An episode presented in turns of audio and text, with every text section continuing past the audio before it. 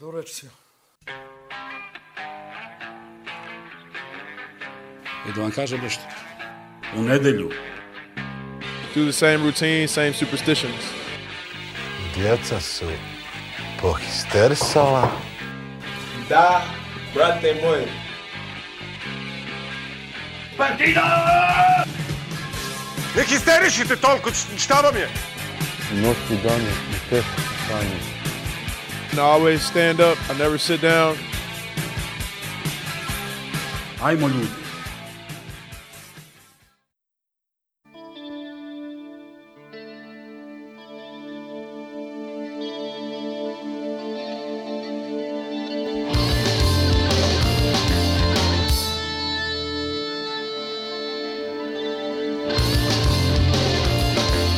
Dobro večer grobari i dobrodošli u devetu epizodu četvrte sezone podcasta Partizan Hysterical.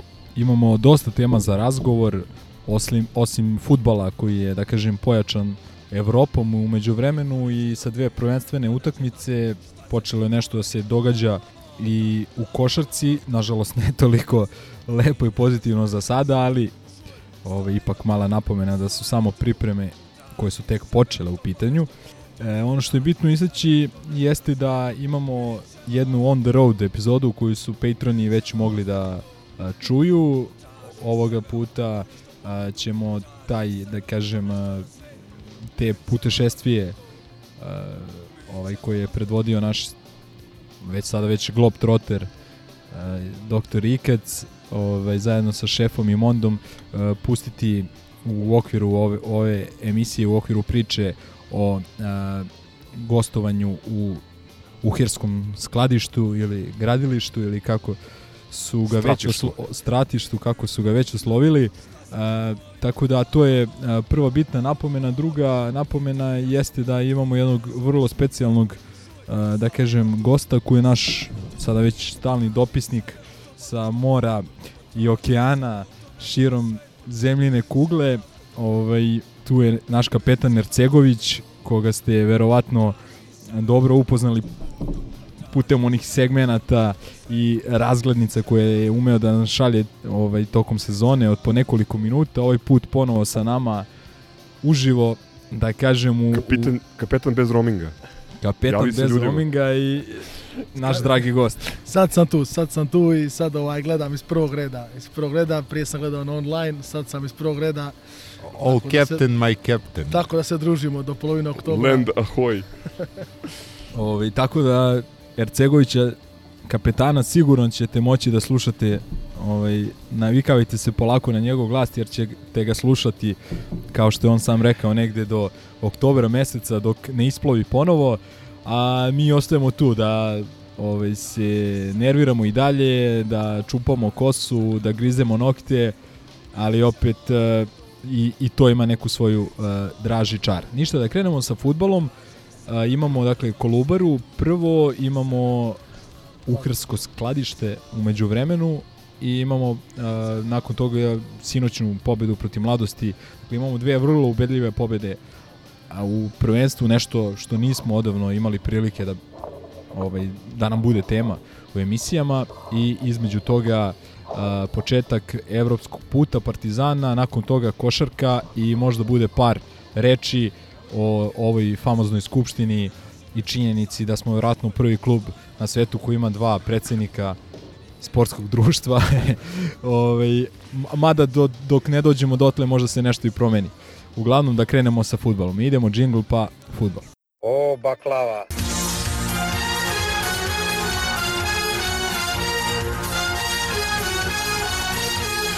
Nisam ja od, e, le, u lepoj sunčanoj Valenciji rođen tamo sa, sa štiklicama.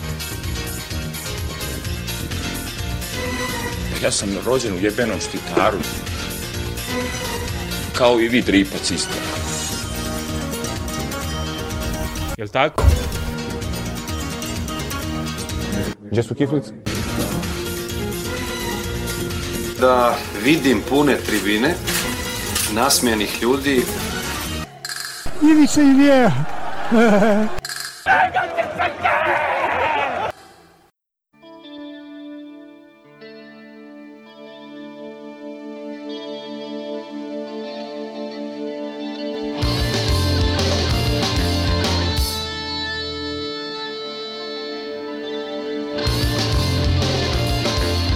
Ništa, kao što smo rekli, otvaramo sa futbolom i otvaramo sa Kolubarom drugu godinu za redom tamo osvajamo bodove vrlo lako i vrlo ubedljivo. Ovoga puta rezultat je bio 5 prema 1. Uh, od samog starta se videlo da će to bude interesantna utakmica. Mislim, ta Kolubara, koliko sam mogao da ispratim, igra neki interesantan futbol, što se kaže, igra, da ne kaže na gol više, ali pokušava se nadigrava i sa nama i sa komšinicom. Ovaj, I za, na tome im svaka čast, jer je to, da kažem, i prijatna promena u odnosu na veći deo ovog našeg jadnog ling logaško, ling, kako ling long aškog futbala. Nije više ling long, izvijek sad. Pa nebitno, ali mnogo je dobar. reklama za Mnogo je dobar, Tires. mnogo je dobar Nećemo naziv. reklamiramo sponzore Posebno ne- Fudbalske lige, naravno. Posebno društveno neodgovorne ove kompanije. nesuđene sponzore FK Partizan po nekim Pa to. najavama. Ali Izrabljuju šalu na stranu, šalu na stranu, Stranu radnu snagu. ono što može da raduje je konačno, kažem, ubedljiva igra Partizana, sigurna pobeda gostima i, i neka vrsta najave da smo u boljem momentu, posebno napadački, što će potvrditi naredne dve utakmice u kojima ćemo takođe pričati, ali eto, prva Kolubara, kako ste vi videli tu utakmicu, ko vas je oduševio, veći deo ekipe je realno oduševio kada pobediš 5-1, tako je, tako da teško da je tu moglo biti nekoga ko je mogao da pruži više, ali eto, ko, ko su po vama igrači utakmice i koje su neke najzanimljivije crtice sa tog duela? Evo, znaš kako sam video? Kasnio sam kući 10 minuta i onda sam panično tražio kako se zove Supernova aplikacija koja među vremenu se sama updateovala i promenila. Pa sam onda morao parkiram sa strane da, da namestim šifru a, i već je bilo 1-1. Ovaj, Dakle, sad i- imamo antireklamu posle Ling Longa i za, I za Supernovu. Supernovu, da, da, slobodno. Ove, a, an, mada antireklama za sve naše provajdere, a, izvini, Lemzi. U svakom slučaju, to je bilo toliko davno da se sećam samo toga da je Riki dao 3 plus 1.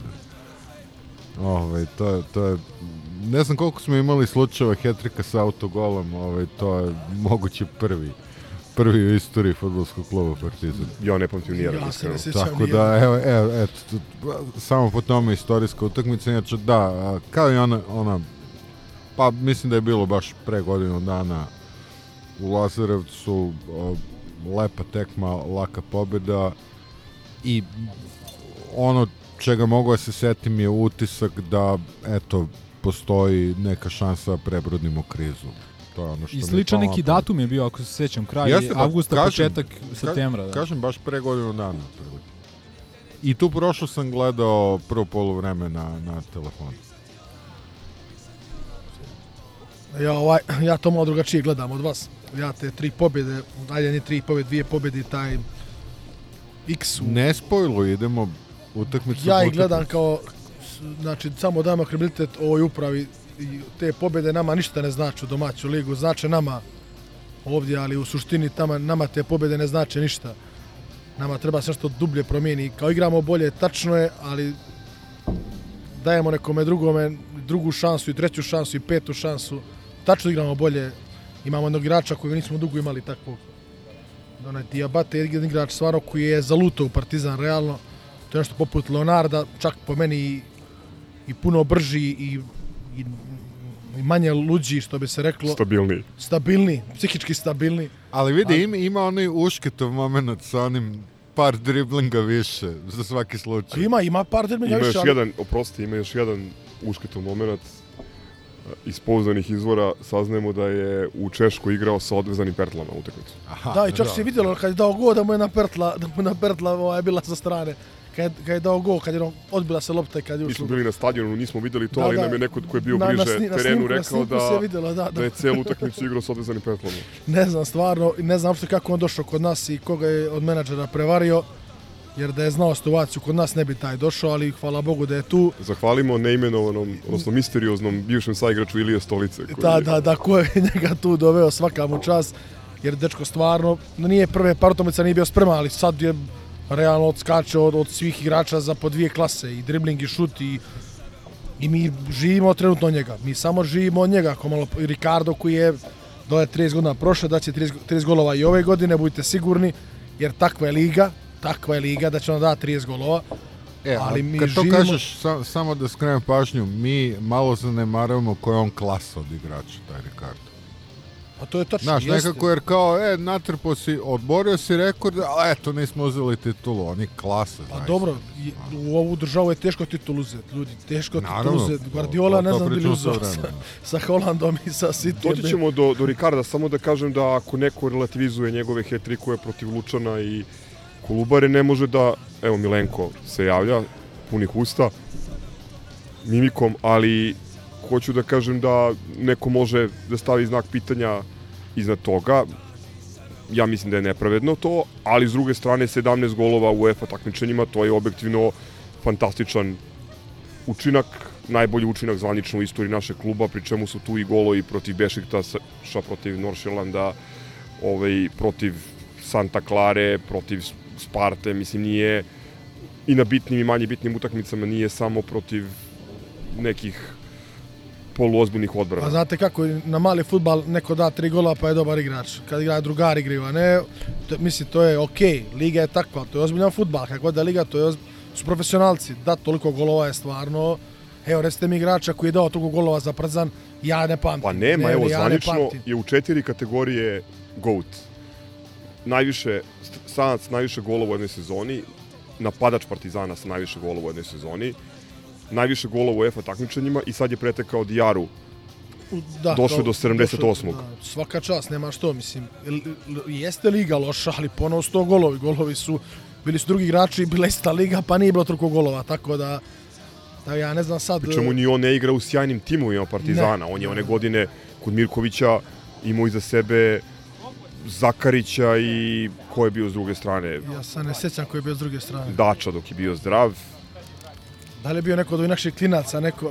Marko Janković. Marko Janković. Ja, Marko E, Janković. s, ta- s takvom podrškom je dao koliko beše, 25, 26. A evo i prošle godine, ok, imao je, ajde, imao je prošle godine, ali ponovo su to velike broj, mislim, to ne, su ne, ozbiljne brojke. i u neverovatnim serijama, znaš, nije ono što bi rekli igrač koji da dva gola pa ga nema nigde.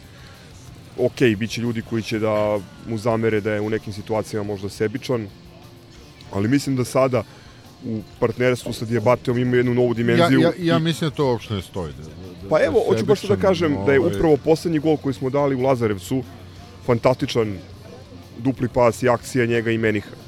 I mislim da Ricardo i igrače oko sebe čini boljima. Znači ne igra samo za sebe. Pa, jako bitno za stranca, mislim da mu prija, poznaje ligu, poznaje klub i prija mu ova sredina. Porodičan čovek, nikad nismo čuli da je napravio neki incident ili, ili da imao neki gaf. E, a pritom, a, sve vreme igra kao jedini napadač. Jeste.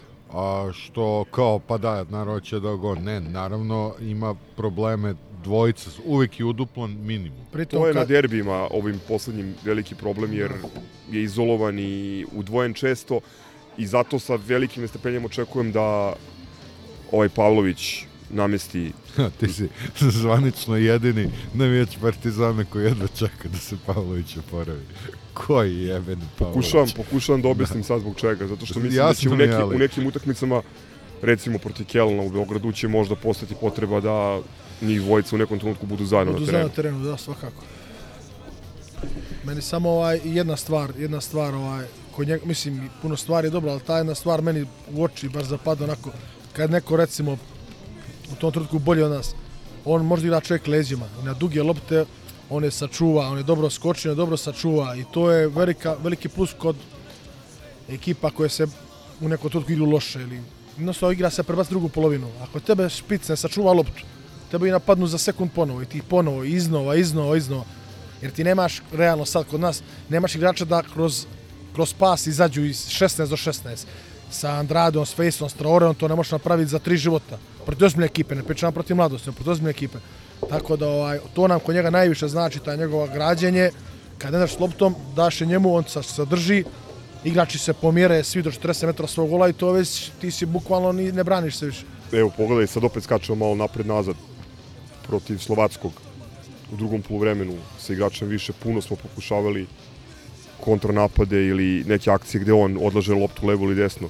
Njega su u tom trenutku čuvali Kadlec, koji ima 38 godina i 20 godina od toga ozbiljnog futbala u ozbiljnim ligama, u ozbiljnim klubovima i sa druge strane još jedan štoper koji pomaže. Znači nije igrao protiv nekih ono Mickey Mouse Da, tačno. defanzivaca. Mislim da tu ima jednu novu dimenziju novu dimenziju u igri i nadam se samo, evo, se mu drvo da će zdravlje da ga posluži i mm, prosto bolje delo i Partizan. Prošle godine smo imali samo njega kao plan A, B i C. Sada ima više igrača koji mogu nešto konkretno da daju doprinos u, u pre svega u napadu i mislim da je to, da je to u napadu, važno. recimo u napadu, okej. A dobro, to prošlo. sad, sad uslovno govoreći, jer Baždar je bio tu i prošle godine. Pa jedino što nije dobio šansu. Dobro, bio je baš da je bio klinac što je pošao u Almeriju, kako se... Jeste, Milovanović je bio. Bili su, ali to su klinci. Kad su, Ali ovaj, i ovaj, ako zakrpimo ovog Pavlovića, ajde vidimo šta će bude s njim. Mislim, ne znam čoveka, možda se ispostavi da je okej. ja se njega sjećam kad igrao, ali ja toliko dugo već ga nema nigdje, tako da ne znam što očekujemo od čovjeka, bez dugo ga nema. Pa kao drugi napadač možda može da da neki doprinos. Mislim, ja ga se sećam iz Čukaričkog, nisam bio oduševljen, ali s druge strane, mislim da Ricardu treba Sigurno u mu nekim treba. situacijama drugar koji će malo da ga rastereti. Meni je pogotovo, na primjer, to je Derbi, recimo, sledeći, tu može tu može ta, ta priča ajde, da, da derbi, se pokaže. derbi može, ali znate kada najviše trebaju kada najviše trebaju tako dva napadača, što nemamo već godinama nemamo. Kad se igra neka utakmica kući protiv napratke, lopta neće da uđe u go i tebi da trebaju dva, Da napuniš šesterac. napuniš šestera sa dva ozbiljni igrača koji su davali golove negdje. Ne sklince koji, je, koji su dao prvi gol u životu, pa i neće, pa uđe, ne, nego sad, e onda, kao oni se brane sa devet igrača, tebe treba da napuniš šesterac nekim kvalitetom ili nekim nekim skokom dobrim ili što ja znam. Slažem se. Hoćemo se vratimo na klub, klubaru samo par nekih utisaka koje sam zapisao, pošto sam ih zaboravio umeđu vremenu. Da, ja nisam ništa zapisao, tako da sve čega se sećam sam rekao. Ja sam nešto zapisao, ali nisam siguran da ću uspjeti da rekonstruišem misli, ali ajde da probamo. Prvo sam teo da kažem da nije okej to što su posle pobede, ajde mediji manje više, ali neki navijači Partizana upali u zamku da omalovažavaju Kolubaru kao protivnika, pošto mislim da to ne stoji, jer oni pre ove utakmice nisu imali jedan poraz na svom terenu. Dobili su Čukarički prilično lako, remizirali s Vojvodinom utakmicu koju je trebalo da dobiju.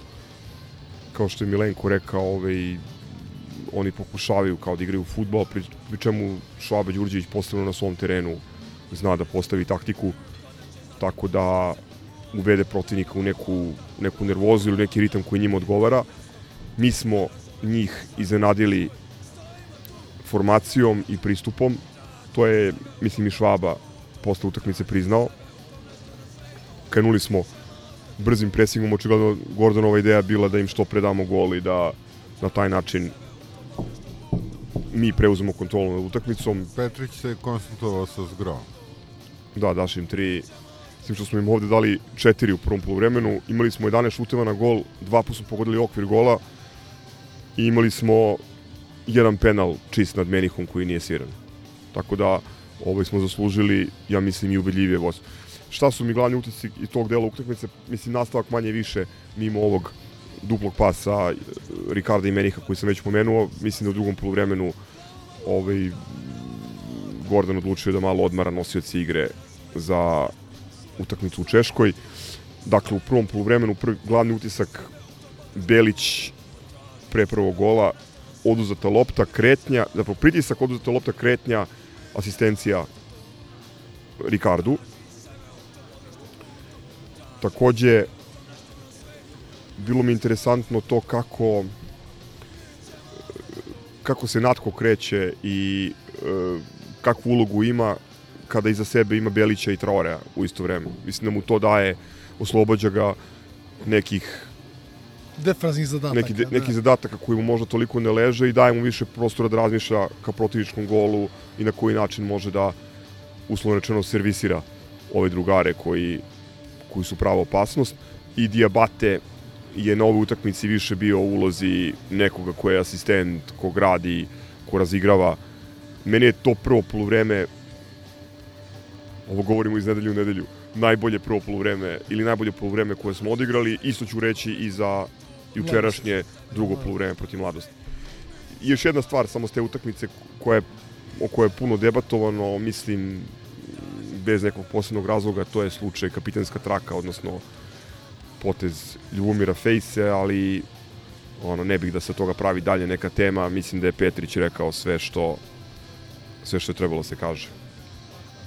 Ja, ono je delovalo ružno na, na prvi pogled, ali ispostavio se da to ono, bura u čaši.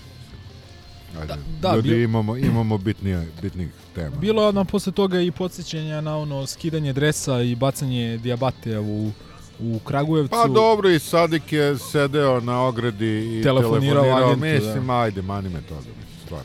A ne, mislim, sve to izgleda ružno, ali kao što ćemo i posle verovatno pričati o pripremnim utakmicama u košarci i tako dalje, to su neke stvari koje su se uvek dešavale i uvek će se dešavati. Sada, samo sada postoji 16 TV kamera, full fokus i tako dalje ovaj, na sve to i, i onda ništa ne prođe ovaj, nezapaženo. I postoje društvene mreže koje će od toga da od komarca magarca naprave odmah.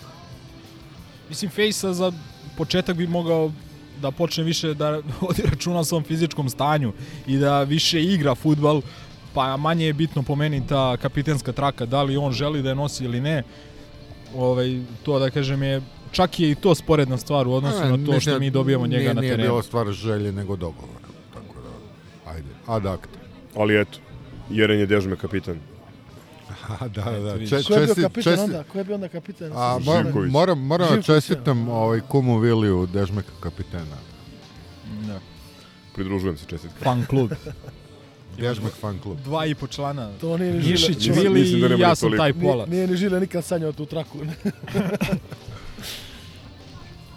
Ok, hoćemo da poslušamo ove on the road, pa onda vi ljudi da kažete Evo šta sad imate. ova bogatija braćima koje su, koje su bila na licu mesta, ovaj, saslušajte ovaj fenomenalni prilog. Luksuzni put u, u Hirski gradilište.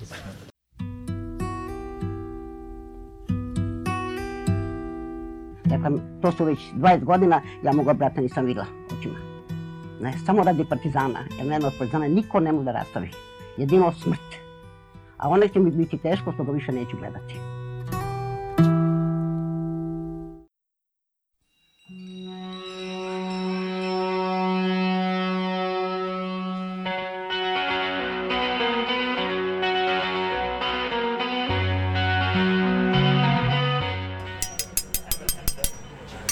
Јона Поц. Јона Поц. Добри. Добар дан. Ajde, što se skenjam? Ne, brate, nego ajde ti napravi uvod. Znaš, ti, ti to znaš, ono knjiški jebote, ja ću na kineti gluposti, treba da imamo neku doza zbiljnosti jebote. Šatro. Ovo je on the road iz tatovanje posle prve utakmice naših futbolera u ovogodišnjoj ligi konferencije. Bili smo u mestu čije, mislim, kod čijeg imena ne možemo da se složimo od trenutka žreba.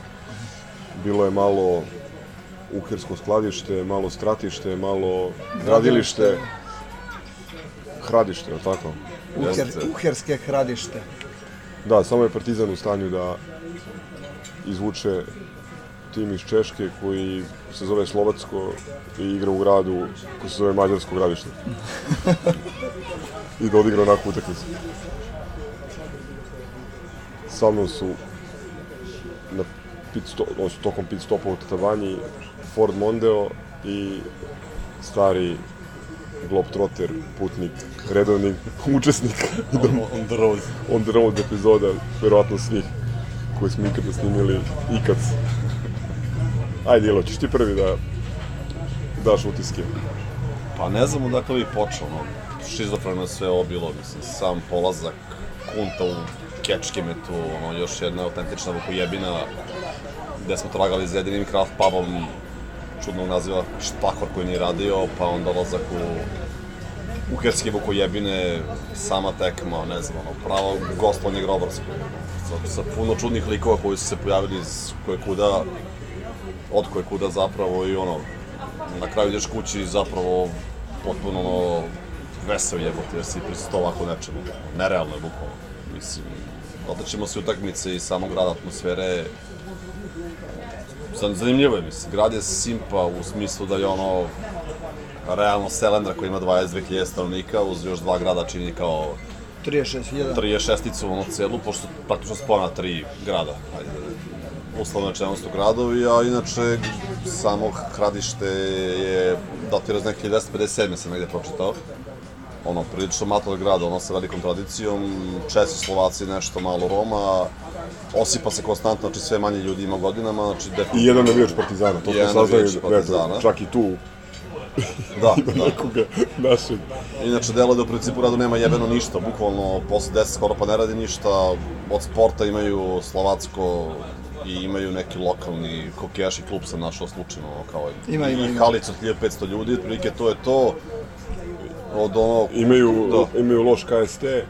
Loš i, KST. I Da, kolega Mondenija zaglavio nekoj ono jadnoj studentskoj rupetini. koja pušta češki Da, pop. Da. A za izlazak ozbiljan se ide u obližnji Zlin. To smo isto saznali.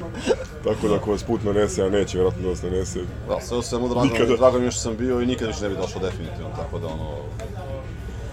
Da, ovaj, još jedna lokalna znamenitost koju smo jutros bukvalno u fotofinišu uspeli da overimo, to je popularni Jašar, odnosno Jarošovski pivovar. Jedan od referentnijih mikropivovara u tom regionu, mada je taj kraj više vinski nego pivski. Pivo smo uspeli da ovaj, čekiramo i u Badi Holiču, to je jedan pogranični grad sa slovačke strane granice. Da, šef mi je ispao iz jebenih kola kad je video slučajno u prolasku pivaru, ja, bukvalno sam ono, ono slupati, evo. Pa, dobro, ali isplatilo se. I u povratku smo uzeli lanč paketića. Ajde, Mo, Mon, Mondeo, izvoli. Ajde, pošto smo ovaj, ovaj uvod, Soft. soft uvod odradili, da pređemo na utakmicu. Dosta smo pričali o tome u kolima, bili smo optimistični mi, a i ostali koji su paralelno sa nama došli.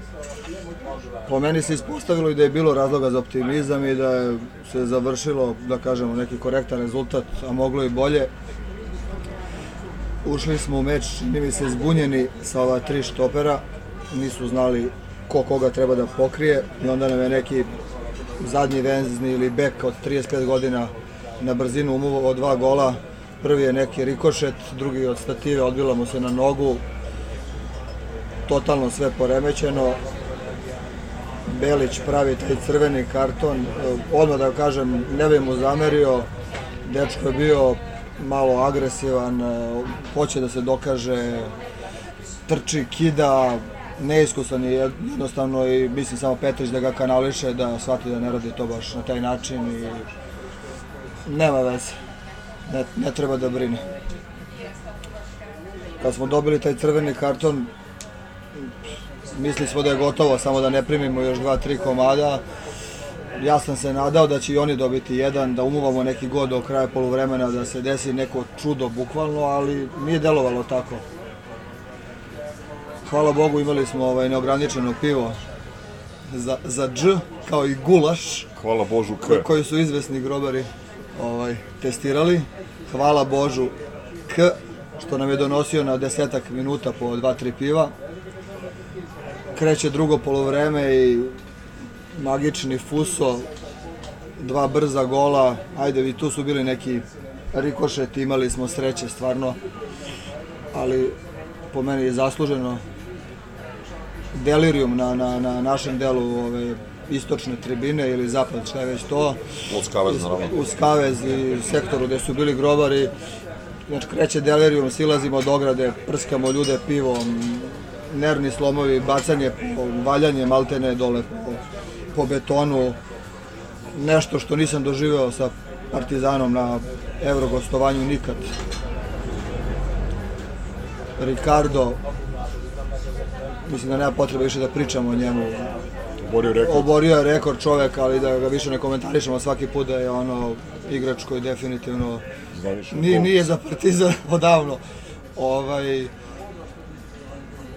Ja mislim- go za infarkt e, i posle toga igrači su se krvavo obranili, bukvalno kidali, dali su 150%. Ljudi, to je bilo 10 minuta patnje na stadionu, ne znam da li kod nas gledao, šetali smo svi gore dole, ono, ba, baš ozbiljna patnja jebote. Tačno im osjećaj ćeš popiti još jedan jebote, da ti ono usred ceo dan Znači, veče, znači godine. videlo se da se bore, da kidaju, da se odbrane, eto, nam, nije bilo realno da, da izdržimo, a i taj gol je bio, videli ste, rikošet napucao je svog igrača, lopta završila u golu, posle toga šansa Ricarda mogao da usledi infarkt. Na kraju krajeva, ja sam zadovoljan rezultatom, iskreno, Pa, znaš kako, pričali smo o odnosku, ako hoćemo nešto od ovog takmičenja i ove grupe, mi moramo da tražimo maksimalu protiv Slovackog. I svi smo bili blagi optimisti posle ove one rapsodije u prvom poluvremenu u Lazarevcu. Naravno, nije Kolubara referentna za evropske prilike, niti poredim Slovacku sa, sa Kolubarom, ali ono, Partizan je delovo energetski i na terenu jako ubedljivo. Katastrofalan start, lepo si rekao. E, Ja mislim da onaj prvi gol malo i nesrećan, zato što e, pre same utakmice, ovaj, iako je ceo dan u nozi trebalo da pada kiša, uoči same utakmice, no, pa, 45 minuta pre početka, krenuo jezik plusak. Da, baš, ba, baš kad smo ja i ti krenuli ka stadionu u tom trenutku. Bukvalno u tom trenutku je krenuo pljusak i teren je bio onako nakvašen, ali baš, baš čudno. I da, verovatno je neko mogao da isprati malo bolje ovog njihovog levo, vremešnog. levo, vremešnog levog beka i da, Traore je ušao u šut možda malo, malo, malo, malo kasno, ali nije samo, nije samo šut koji je bio dosta onako nezgodan, nego i ta žabica koja je skočila i za prvo je bila bio je skrenut udarac, a onda je odskočio nezgodno i, Da, i da, da. prevario, prevario Popović. Drugi gol, rekao si, čudno mu se odbila lopta istom igraču osetljive. On je čak, ako pogledate snimak, on je, on je izgubio ovaj, balans i ravnotežu. I nekako je čudno u padu kontra nogu, onako čušno loptu, jeziv start, onda crveni karton Belića. Šta reći, mislim, mali, mali je počeo da diže formu, ali pokazao je ipak da da je neiskusan i dalje da mora da kanališe tu agresiju na jedan način. Onaj faul je bio zakasneo, nepotreban i e, baš smo posle utakmice pričali u kafani dva momenta, ko ne znam koliko su vidjeli na, na televiziji, njega je sudija Irski tri puta zvao da mu da karton i spremao se, posegnuo je za prednji džep da mu da žuti. Na što se mali nije, nije okrenuo i nije reagovao. Onda je sudija pogledao igrača desnog beka Slovackog koji, Koji je ležao u lokvi krvi, jeba. Koji je, ali le, ležao je djelovo da je povređen u takvim situacijama. Imaš otvoren, otvoren John, otvorenu nogu Pa i start da. direktan i to je professional na foul. Da, To je- vjerojatno to je dobio i sugestiju od pomoćnog za to Da. vreme, pretpostavljam. Tako da je tu, to je još jedna stvar, još jedna značajna škola za, za Belića, ajde da, da, da preanaliziramo, mislim da je tu Petrić poslao pravu poruku kad su ga pitali novinari na, na, na konferenciji za novinare šta će da bude poruka za Belića, on je rekao apsolutno pravu stvar, mi smo posle utakmice e, malog videli ispred stadiona, ajde, nešto ćeš ti da obišeš situaciju, pošto A, si bio najbliži. Prvo, prvo smo videli kada je izašao sa terena i popeo se na tribine, tu su ga sproveli, bio je van sebe, dečko, bukvalno se videlo da mu nije do života ono, da zaplače. I posle utakmice izašao je iz, uh, iz prostorija, mi smo mu rekli, ne, gotovo je sad, sve u redu, svaka čast, imate podršku, desilo se, nemoj da tuguješ, dečko je samo rekao, izvinite, molim vas i ušao u autobus. Baš je bio ono, ne znam, napravio jeste kretenski potez, ali mi ga je baš bilo žao. Rekao je Gordon, igraćeš mnogo ovakvih utakmica, bitno da iz ovoga izvuče pravu stvar, a agresivnost i, i, i ta vrsta žustrine nem je na tom mestu u timu pot, potreb, neophodna. Samo da, da to malo kanališe i da malo namazanije pravi, pravi prekršaj. Pozitivna stvar je, od, evo, to će Gaza, da, da dobar potez Petrića kada je ubacio Andradea umesto Beka. Počeli smo da igramo, da se borimo, stvarno neki maksimum, tri gola za 15 minuta sa igračem manje. Ipak je otišlo u nekom pozitivnom smeru sve po meni. Iako X nam ništa ne znači u smislu da se nadamo drugom mestu, ali ajde vidjet ćemo s kojim Dobro, sastavom ljudi, će Nica doći u Beograd i Ma, kako sve će igrati. kako se poslože i ovi drugi rezultati. Ma, je- ljudi, realno, ajde, gledajte kako smo bili na polovremenu, znaš, ja sam bio u fazonu da, ono, ono, bilo mi je muka da, da gledam drugo polovreme, znaš, kao još kiša ono pljušti sjebani svi, ono, debakl kao fazon, dobit ćeš pet golova, i sad posle svega na 3-3 kući pevajući, jebote, idemo, kao da smo dobili. Dobit ćemo ih u Beogradu. dosta ima do toga, da, ali zapravo sve treba posmatrati u kontekstu prvog poluvremena koje je jedno od loših naših poluvremena i toga da smo 75 minuta bukvalno igrali sa, sa 10 igrača u polju.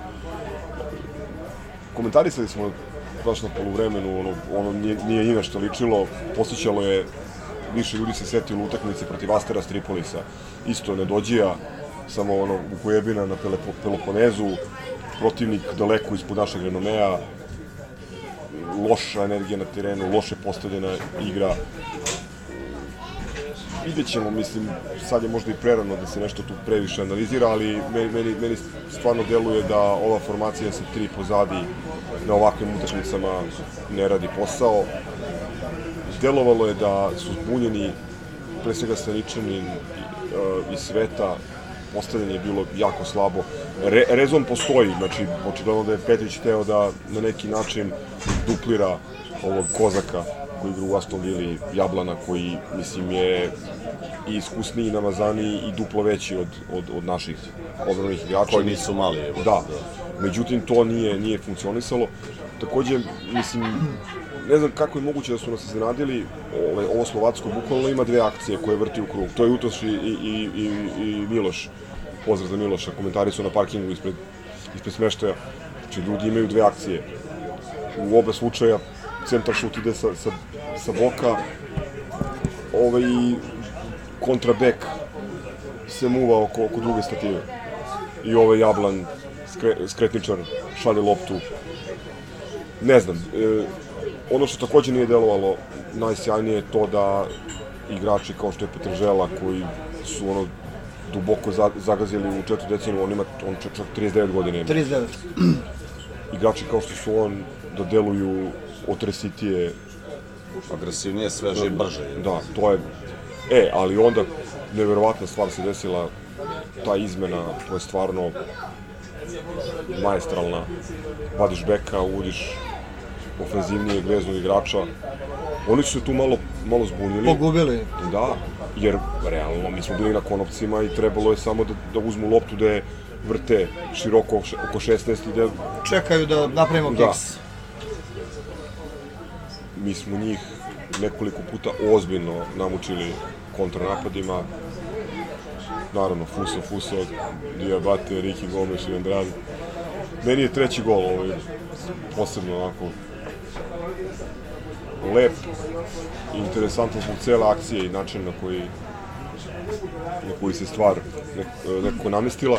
I pomenuo se tim Mondo prečku u Ricarda, tu isto prvo ringišpil za 80 kruna Fusin na levom, na levom krilu, tu ih izvrteo, ušao, pogledao gde je Ricardo, Ricardo inteligentno se izvukao, sjajno otvorio nogu, tu da je dao gol, mislim, ne znam, ono, Ja mislim da bi mi po tribinama izginuli, bukvalno. Skočio bi u teren na glavu, bukvalno.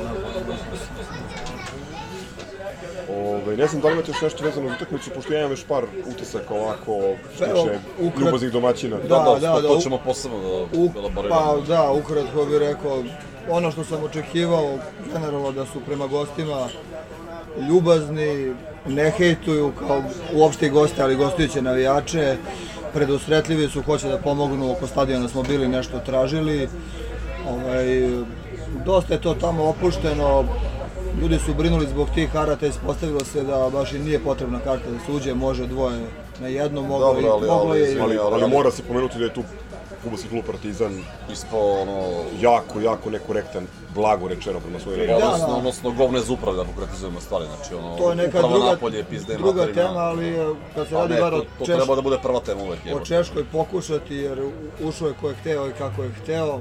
Ja bih samo izvukao paralel, znači, pošto sad mi igramo Češkoj, ono, prošli put smo bili u Pragu, isto je bila opcija, znači da neće ući naši, jer je bio i COVID. I tad su Česi znači dali da se ima da uđu, sad je bila če varijanta da neće ući jer su naši degeni iz uprave odjebali svoje navijače, a Česi su pustili kartu prodaju. Znači, Protiv ono, Pilzena je bilo kompleksno, tad su bili one Tako tri je, frakcije i tad je isto svako ko je došao, ušao. Znači, Česi definitivno imaju taj neki, opet kažem, ono, pan slovenski trip, pa onda nas gotive i stvarno... Pa ni logika, ono što je pričao onaj čovek pre, pre utakmice. Ti ako imaš ono 200, 300, 400 navijača Partizana Po gradu je, jebote. u gradu od Da. 30.000 stanovnika, naravno će da ih pustiš na, na stadion, to ti je bolje ako govoriš, si maksimalno, ako da. govoriš o, o kontroli štete ili, ili bezbednosti, nego da pustiš besne ljude Ali tu, mislim, ne treba se, hoću kažem, ne treba se ljuti na, na domaćine, oni su radili sve, apsolutno, da, iako se vi- videlo da, da taj grad, ta sredina, niti je futbalska, niti je navikla na događaje Tako je. ovog profila e, i ovih dimenzija ili, ili ovako zahtevne događaje, oni su se ljudi potrudili stvarno da, da, da se osjećamo sjajno. E sad, posebna je tema to, i to je, slažem se sa Ipsom, tema broj 1, Partizan koji prvo ne želi, jedini klub, ne, ne klub, jedina uprava nekog futbolskog kluba koja ne želi da ima podršku na stadionu, i, e, ove, odnosno da klub ostane bez I podrške. svesno sabotira jebote. Svesno sabotira i onda na dan utakmice sat i 15 minuta ili sat i po, mi smo bili u kafani još uvek, stiže informacija kao je biće karata. Pa šta sad ono ljudi da krenu A zato što, je, helikopterima, zato, zato što iz UEFA znači vrlo jasno stiglo ono, upozorenje da kao iako oni sabotiraju, dolaze navijači, znači ono, ti možeš se praviš budala, ti će biti igrali dalje. Da, to je rekao onaj Tako delegat. da, tako da ispostavilo se u principu da su oni zapravo nevoljno pristali da jebi ga karte budu puštene. Ono, katastrofa mislim. Baš, me- baš mrž, mržnjepska prema upravi. Po meni jedan korektan stadion, mali, ali ovo korektno izgleda. Jako akustičan. So, akustičan, solidna organizacija domaćina oko svega. Imaju tu neku ultras grupu koja tu nešto navija, čuje se, ostali ljudi oko njih su totalno Da, ali nemaju uopšte- mirni, Mm, pitomi, to je neka Ali, salonska ali, publika. ali ta ultras grupa nisu huliganske ekipe, nego Ne, samo ta, baš, pa ono, to su njihovi, tu su nešto skaču, pevaju, okej, okej atmosfera. jako dobar program. Ima o, ostali utisci ovaj, sa stadiona su ovaj, dolazak u, u papučama i brown sandalama, tradicionalno po onoj kiši pojave se Dobro, je- asovi u papučama, sandalama, To je neka vrsta uniforme ili nacionalne nošnje. u majicama na bretele itd. itd. Eto, grobari su sa nekih par akreditacije VIP karata silazili dole u neku kao VIP zonu i uzimali pivo za pivom, jeli gulaš. E, to je bilo, to je bilo simpatično. To je, to je dosta gotivan moment. To je bilo simpatično, ali isto pokazuje do koje mere ta publika nije prava futbolska. Recimo, 41. 42. minut, mi na konopcima pokušavamo da uhvatimo vazduh, tu su realno mogli da nam daju treći gol i da završe priču. Kreće stampedo Na da- gulaš. na gulaš, da se vada ne, ne ohladi ili ne znam šta, da se stigne na, re, na red, da se pojede duplo. Čep, napravio se čep. Bukvalno se napravio popularni čep, ali taj juriš Da, da, ja sam se pitao, pa gdje će svi sad, nemoguće da svi idu kao u WC da žure kao 5 minuta pred kraja, kao ustaju i kreće jurnjava, trka i rekao da, da li moguće svi jure WC, možda ima jedan pisor, ne znam. Inače je bilo na stadionu po slobodnoj proceni nešto više od 6000 ljudi, Tako je. otprilike slična poseta kao protiv Ajka ili protiv Fenerbahčeja. Ono što smo saznali što je takođe e, interesantan kuriozitet, da govori puno o grupi u kojoj igramo, da su veliki broj paketa koje je Slovacko pustilo prode, u slobodnu prodaju kupili navijači Kelna, e, a koji su potom preko raznih ono sajtova Kanala. za prodaju, za tapkanje karata nudili karte i za našu utakmicu odvojeno.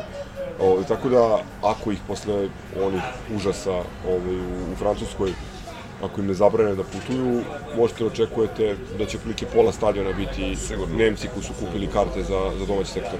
I to je opet e, jedna poruka, mislim, na, navijači koji žele, koji ono, koji vole klub, koji žele da ga podrže, naći će način u svakom trenutku. Mislim, zvuči možda kao ono, opšte, opšte mesto ili frazologija, ali stvarno, ti ako hoćeš da uđeš, ne postoji ozbiljna prepreka osim te zdravstvene ili sigurnosne koja može te spreči da, da odeš na... u Hagu.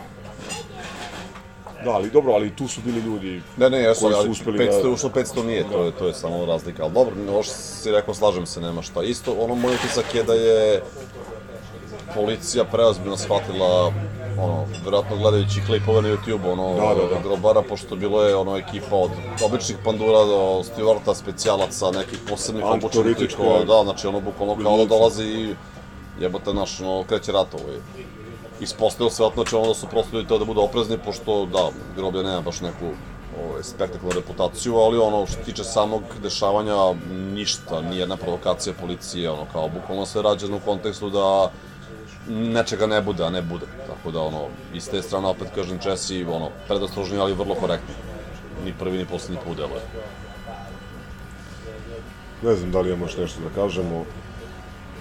Mislim da je to sve Kad se povuče crta, da, imajući u vidu gde smo bili na poluvremenu, veliki bod, velika utakmica, utakmica za pamćenje, bilo je lepo biti tamo i ništa sad, da se, da se oporavimo, pa U nedelju. u nedelju Lučanci, Lučanci. a onda Nica na JNA.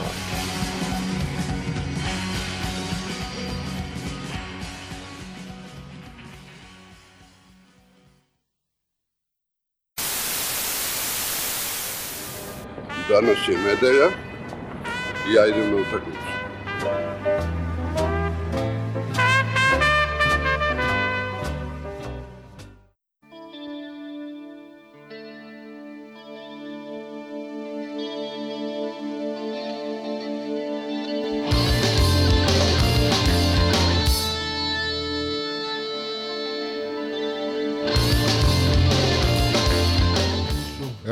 Ovaj, hvala braćama. Aj sad, mi koji sa jeftinim ulaznicama, koji nismo imali sreće u prisustvu na toj utakmici, par utisaka. Ne znam, ja sad... eh, realno jeste bilo jedno od najgorih polovremena koje sam gledao i sticam okolnosti i tako se namestilo i baš ono bilo strepnja koliko će nas napuniti neki tamo anonimusi iz Uhirskog hradišta ili kako se već zove. Ali posle ovog drugog polovremena ja stvarno zaboravio sam na prvo polovreme i, i da to Štete je uopšte samo što, postojalo. štete je samo što nismo na kraju dobili, jer stvarno smo mogli. Dobro, ali mislim i bilo bi previše očekivati da, trenutku- da, da, da Partizan dobije. Mislim, to, to, to je nekako Ali u previše. tom To trenutku na, na 0-2, ajde 2-0 za njih, na 3-2 za nas i sa, nekim, sa nekom igrom da se igrače manje, ja sam mislio bio su, da će bude 4-2. Samo sam čekao 4-2. Ovaj, pa Iz neke dobro, polu da, kontre, da. iz neke polu kontre. ali ovaj, mislim, stvarno i, i, i pristup igri i realno dobili smo na kvalitet, dobili smo na, na Ricarda i Diabatea i zapravo najbolja akcija na utakmici je onaj četvrti šut koji nije ušao, jedini da. šut koji nije ušao gde, gde ti vidiš da postoji ta sjajna saradnja, da, da se oni već razumeju i da je Ricardo njemu pokazao gde da mu, da mu šutne, da mu dobaci i eto, jebena prečka, ali nekako i to je grobarski. A posle toga jeste, ok, možda smo polu proslavili još jednog anonimusa u evropskom futbolu, ali s druge strane ja to stalno pričam i po meni to nije patetika. Ja hoću da gledam Partizan koji se bori pa šta god da bude, a gledali smo Partizan koji se baš, baš borio sa igračem manje, a, po meni neopravdano isključen Sneško Belić, ali da ne ulazimo u to, ovaj, eto, to je, meni srce bilo puno posle toga, šta bude, da li ćemo proći dalje u Ligi konferencije, koga boli kurac, mislim, eto, jednostavno, takav partizan želim da vidim. Sad otvorio si ovaj deo priče sa rečima da Ko su... drlje po stolu? Jel ti drljaš po stolu? A što, Kako nije se-? Znaš kako se to čuje? Oj. Da. Ne, dir, ne, radi, ne radi to. Otvorio si ovaj deo priče sa rečima da su ovaj, bogatija braćama bili u, ovaj, u Češkoj, a mogu pouzdano da kažem da su neki ovde prisutni potrošili više to veče sedeći u centru Beograda i gledajući utakmicu na projektoru. o, od ovih što su otišli u Češku, tako ispade Za na te kraju. pare samo mogu idem sa klubom da letim. eto, eto jedne pouke, idite na utakmice, nemojte gledati u kafani. Nemojte sedite po kafana gledati, duga je noć. O, I ko zna šta sve može da se desi. Od šalu na stranu, sad da mi je neko pre utakmice po, po znacima navoda ponudio X, ne znam, ne, ne verujem da bih prihvatio jer mislim da ono što je Vili pričao jeste tačno da je ovo bila naša šansa za prolazak dalje. Ako ćemo realno tri boda u Češkoj bi nas neću kažem približili ili doveli na korak, ali baš bi olakšali to jer bi onda protiv Kelna mogao da juriš da kažem i možda ne da juriš nego da prođeš i sa nekim X-om, šta znam, i da se nadaš da Kel neće dobiti u toj Češkoj. Ovako, sad kakve su tačno nama šanse za prolaz, prolazak dalje, ne znam, dosta će zavisiti od narednog kola i tako dalje, ali imajući u vidu sve što se dešavalo, imajući u vidu da smo nakon onih 2-0 i crvenog kartona Belića strahovali da ne dobijemo neku novu petardu u Evropi, ovaj put od potpuno ono nerenomiranog Da li iko protivnika. baš čuo za Slovačku i Češke pre, pre? Ja sam mislio da su slovački. A vero, to. ve- verovatno je Pećinko čuo. Od nas o... Ne verujem čak ni da je na Pečinko, ja stranu. pozdravljam Pečinka, pa evo, Pečinko kad čuješ javi nam. ovaj, mislim, čuli ili ne, stvarno prvi put su u grupnoj fazi evropskog takmičenja, čuli smo u, u on the road prilogu kakvo je to mesto, koliko ima stanovnika i tako dalje. I Kako sam dale nose? i sve je to super i svaka njima čast na ovom uspehu i tako dalje. A i, ali opet realno sam se plašio da postoji mogućnost da to ode na 0.4, 0.5 i tako dalje. Jednostavno sve je išlo u tom Tako i smeru. djelovalo, tako i djelovalo. Na moment je djelovalo da će dode negdje E, u i, neku katastrofu. e, imajući u vidu to, da mi je neko, opet kažem, da mi je neko u tom trenutku ponudio 3-3 na kraju, ne da bih prihvatio, nego bi možda čak i platio. Da bi mogu uze, što kaže. Je, Da, mislim, stvarno. platio bih mu da, da, da to i bude slučaj, posebno impresivan način na koji smo mi došli do toga, dakle, taj onaj čuveni ro, roller coaster emocija, znaš, ono, od 0-2, a, ja nisam vidio prvi naš gol, ono, bio sam u WC-u, bukvalno izlazim i, on, i ono, razmišljam u glavi, rekao, dobro, ajde, gledat ću par minuta manje mučenja u drugom poluvremenu, baš se ničemu nisam nadao i sad izlazim i vidim ono, naši slave gol, ništa mi nije jasno, sedam posle par minuta, drugi gol, onda treći gol i tako dalje. Ajde sad možda bi bilo previše da, da kažem da smo u tom trenutku se možda i ponadali pobedi i tako dalje. Ne, realno smo iscedili maksimum. iz Pa jeste, ali eto opet, to je prokleti partizan, da se desi ona šansa Ricarda i to sve i da ti na kraju kažeš pa jebote mi smo mogli da dobijemo, znaš. I ovaj, ali dobro, opet kažem, kao što si ti rekao, nikakav problem, dajte vi 110% svojih mogućnosti, igrajte futbal, ali stvarno igrajte futbal, nemojte igrate neki alibi futbal, e, trudite se da date gol i tako dalje i nikakav problem. Ovaj, A znate ako te, te, taj, to 3-3, uh, sada autome za sledeće zbog tih 3-3 bukvalno odlučujuća. Da li ćeš ideš gore ili ćeš dolje. Jer sad igra, Keln igra kući sa, sa, sa, sa Slovačkom, oni će dobiju sigurno. I ti ako nici izgubiš ili igraš X, čak ne znam, ti si onda već si izgubio prednost domaće prednost na Nicu i plus si izgubio što će svi vjerojatno dobiju u goste to Slovačkoj. Ti si već tu u minus Ne slažem se sasvim, pošto mislim da je Nica apsolutni favorit grupe i iznenadio bih se da nema maksimalan broj bodova. Oni su loše krenuli, to je tačno. I, I Francusku ligu su krenuli muči, loše. Mučili su se protiv, ove, protiv Kelna, pitanje je da li su zaslužili taj bod, ali mislim da će puno, o tome smo pričali i, i ovaj, u mađarskoj kafani, a i u najavi, najavi grupe, da će zavisiti, zavisiti puno od toga kako se ovi ostali rezultati poslože. Ja mislim i dalje da je, da je nama najveća šansa Keln u Beogradu i da je to utakmica za koju se treba dobro spremiti. Gledao sam juče Keln protiv Union Berlina i slažem se 100% sa onim što je Lonče u, u prenosu dao kao neku osnovnu analizu.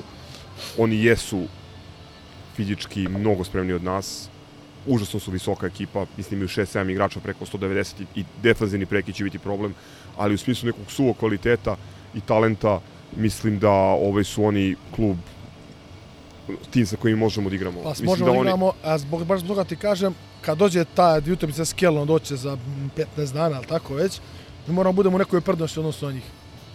Da ne budemo u minus, jer e, da počnemo iz prednosti, recimo ima makar bod prednosti prije ili dva boda prije te njihove utakmice, jer to su dvije utakmice. A dobro, ajde, seti se kako smo ušli u drugo polovreme utakmice protiv Čeha. Mislim, znaš kako, ja, i, evo, najiskrenije, ja se samo nadam da u četvrtak odigramo dobro i da ne bude neki debakl protiv Nice, pošto mislim da sa onim mrgama tamo može da igra Slobo Urošević, može da igra Traore i mogu bi da igra Belić koji je suspendovan.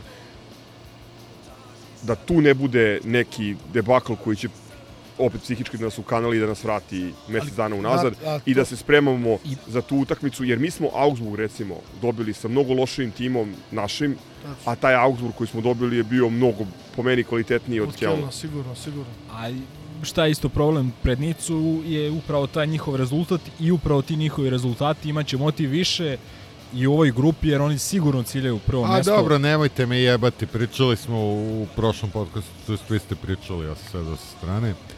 Ovaj, pričali smo o grupi koju smo izvukli. Mislim, jebi ga šta smo izvukli, sad je malo i nerealno se mnogo ložimo, ćemo prođemo dalje. Idemo pa Ma da, pokažemo naše najbolje, pa šta tako bude. treba, tako treba razmišljati. Milenko je u pravu, nadali smo se pobedi u, u, u Češkoj, koja bi nas možda malo približila tom, tom snu, neću kažem cilju, ali imajući u vidu kako je izgledalo, odnosno kako, da ni na što nije ličilo prvo poluvreme, Dobro smo i prošli. ovo je epska utakmica koja će se pamtiti. Meni je jako drago što sam bio tamo i sve što smo Evo, rekli. nabi nam na nos sad što ne Pa ko ti je kriv što si imao... Što, ajde sad da, Da. da. da, ne leje. Dobro, ovaj, to bi bilo to, bili smo, neki smo bili u Češkoj, neki smo bili na televizoru i onda je došla utakmica na JNA protiv uh, Juventusa iz Lučana. Mislim, ja se uvijek unapred radujem tim tekmama jer uh, mladost uvijek muški odigra, s tim što su ovog puta bili baš onako žestoko defensivni. A da li su mogli više ili ne, ne znam, ali nije im se ni defenziva isplatila ono, otprilike odavno a, nismo tako lako nekog zgazili. S tim što a, kad smo dali prvi gol, 40 i neki minuti bio. To je iz penala. I to iz penala i da. onda je o, bilo lakše. S tim što odmah. nije da se nismo mučili, imali smo šanse, imali smo inicijativu, malo nas kao nije htelo, ovaj, dobar su oni otpor pružili, ali kad se to jednom otvorilo, onda je bilo trpaj. Onda je dao go i onaj koji nije dao... Bukvalno ono. Onda je dao i Lutovac go koji nije dao go. Šest komada, šest komada, to je naša nada, da. Ovaj, recimo, baš mi je drago što je Lutovac dao gol. I Ja, ne, ja gola Bilo mi je krivo što, što nije ušla ona prva. Ona, ono, čak je neverovatnu loptu ovaj, poslao i ovaj, baš zaslužio da gola, ali nije. Međutim, eto, nadoknadio je Što te- ovaj, i žao mi, je- žao mi je što, što Terzić nije dao gol.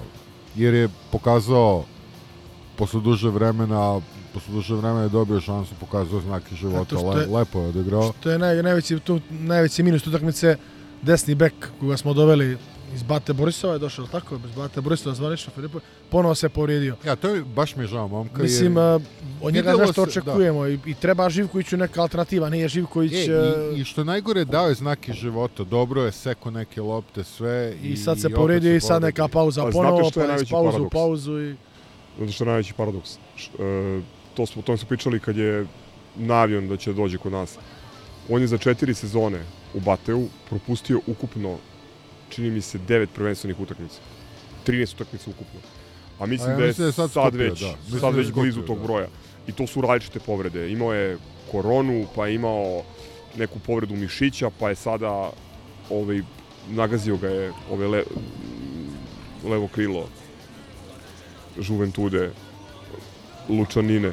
Ove, tako da, ali ajde da se nadamo da je taj otok nešto što može da se Vidi, ja sam i dalje, ja sam i dalje optimista po, po, po pitanju Filipovića. Ja mislim da, da može nešto bude. od njega. Ma, pazi, on je igrao, igrao je u Bateu, Pa dobro, mislim, Bate Borisov ti je ono jedin klub u Dobro, to je ekipa koja je Ligu šampiona Ligu Evrope, koja je igrala više A od nas, dobro, više od nas u, u najnameštenijoj ligi u kosmosu. Ali su bili tu i Ne, kompetentni. ne, igrao je, igrao je on u kontinuitetu i to je igrao na raznim pozicijama u timu. Ja, ja isto očekujem od njega da, da bude upotrebljiv za ekipu, ali ovaj, da, ne valja ovo što evo, treća povreda ili treće ozbiljnije odsustvo, to je baš loše.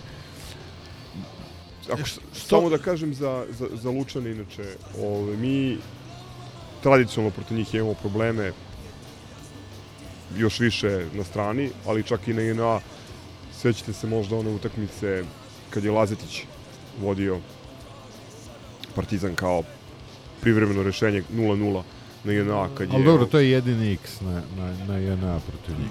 Da, ali uvek, ali uvek je to jako, jako tvrdo. E, ovo je prvi put da smo ih dobili 6-0. Prethodni na, najubedljiviji rezultat je bilo uh, na onoj proslavi titule Markove. Ta smo ih dobili 5-0. Znate što meni je ovaj, uh, nevjerojatno čudno od kada je počeo, ali eto kada je Petris tu. Uh, uh, igramo li 3-5-2, igramo li 4-4-2.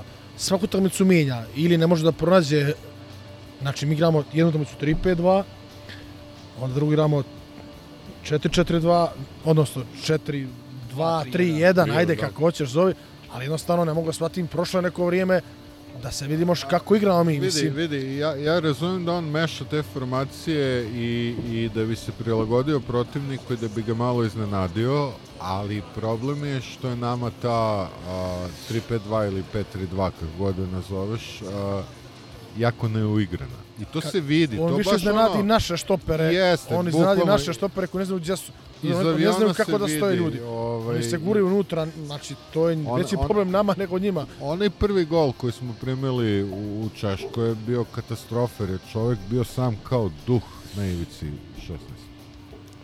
Znači ja sam samo uhvatio za To se nama dešava često i protiv Zvijezde smo primili gol, čovjek je Ali bio mi sam na imamo 16, znači tri, nije to prvi. al- ali sad smo imali tri štopera i ovaj sam kao duh, mislim, jebi ga. To ima veze, rekao si lepo, sa mm, prilagođavanjem protivniku, sa, sa čim ja onako principijalno nemam problem, ali nisam siguran da u ovom trenutku imamo dovoljno igrača i dovoljno kvalitetnih igrača da se Pa niti imamo igrača, se na taj način ni- niti ta formacija, niti ta formacija igra, to je još jedan od problema. Znači. Vidjet ćemo, recimo, protiv Kelna će biti interesantno, pošto oni imaju stvarno izrazito fizički dominantnu i izrazito visoku ekipu i taj prekid im je jedna od najjačih stavki u igri. Prosto ne znam na koji način će, ćemo, to, ćemo to braniti. E, još par stvari vezano za Lučane. Dopalo mi se to što je iskoristio situaciju da odmori tri futbolera koji su imali dosta minuta, aj, 2 plus 1, mislim na Traorea i, i Natka, koji uopšte nisu ulazili u igru. O, oni su imali, kažem, preveliki pritisak bio na njima u prethodnih nekoliko nedelja i mislim da je dobro što se eto, pojavila jedna utakmica u ovom ritmu četvrtak nedelja da, da ih malo A igraju malo- na poziciji koja zahtjeva odmor s vremena na A vreme. čekaj, a plus jedan je verovatno Manning koji je slušao muziku na treningu. Upravo, upravo tako, pri čemu ja recimo očekujem od njega i od Traorea da imaju jako bitnu ulogu u, u, u četvrtak. Pa Manning nam se, osnovno je dosta dužan ove godine, mislim da je vreme da proigra. A mislim da će one više, pogotovo u toj formaciji gdje, je Ricardo sad njih dvica po krilima, će oni više pokazati u Evropi nego domaćem prvenstvu. Dobro, oni u Evropi, pogotovo ovaj Diabatu, on je toliko brži od ostalih igrača da on pravi višak svuda. Ali mislim da će ovaj naš čuveni Menih da će pokazati neko znanje u Evropi, jer u Evropi će imati više prostora.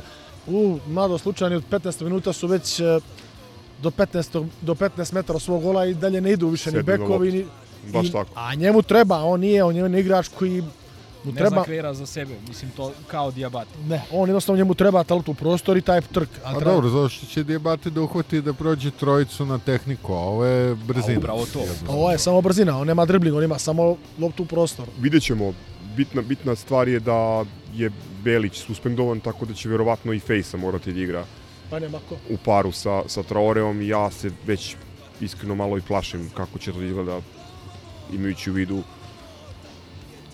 što bi Mile rekao kakav frame i size imaju veznjaci Nice.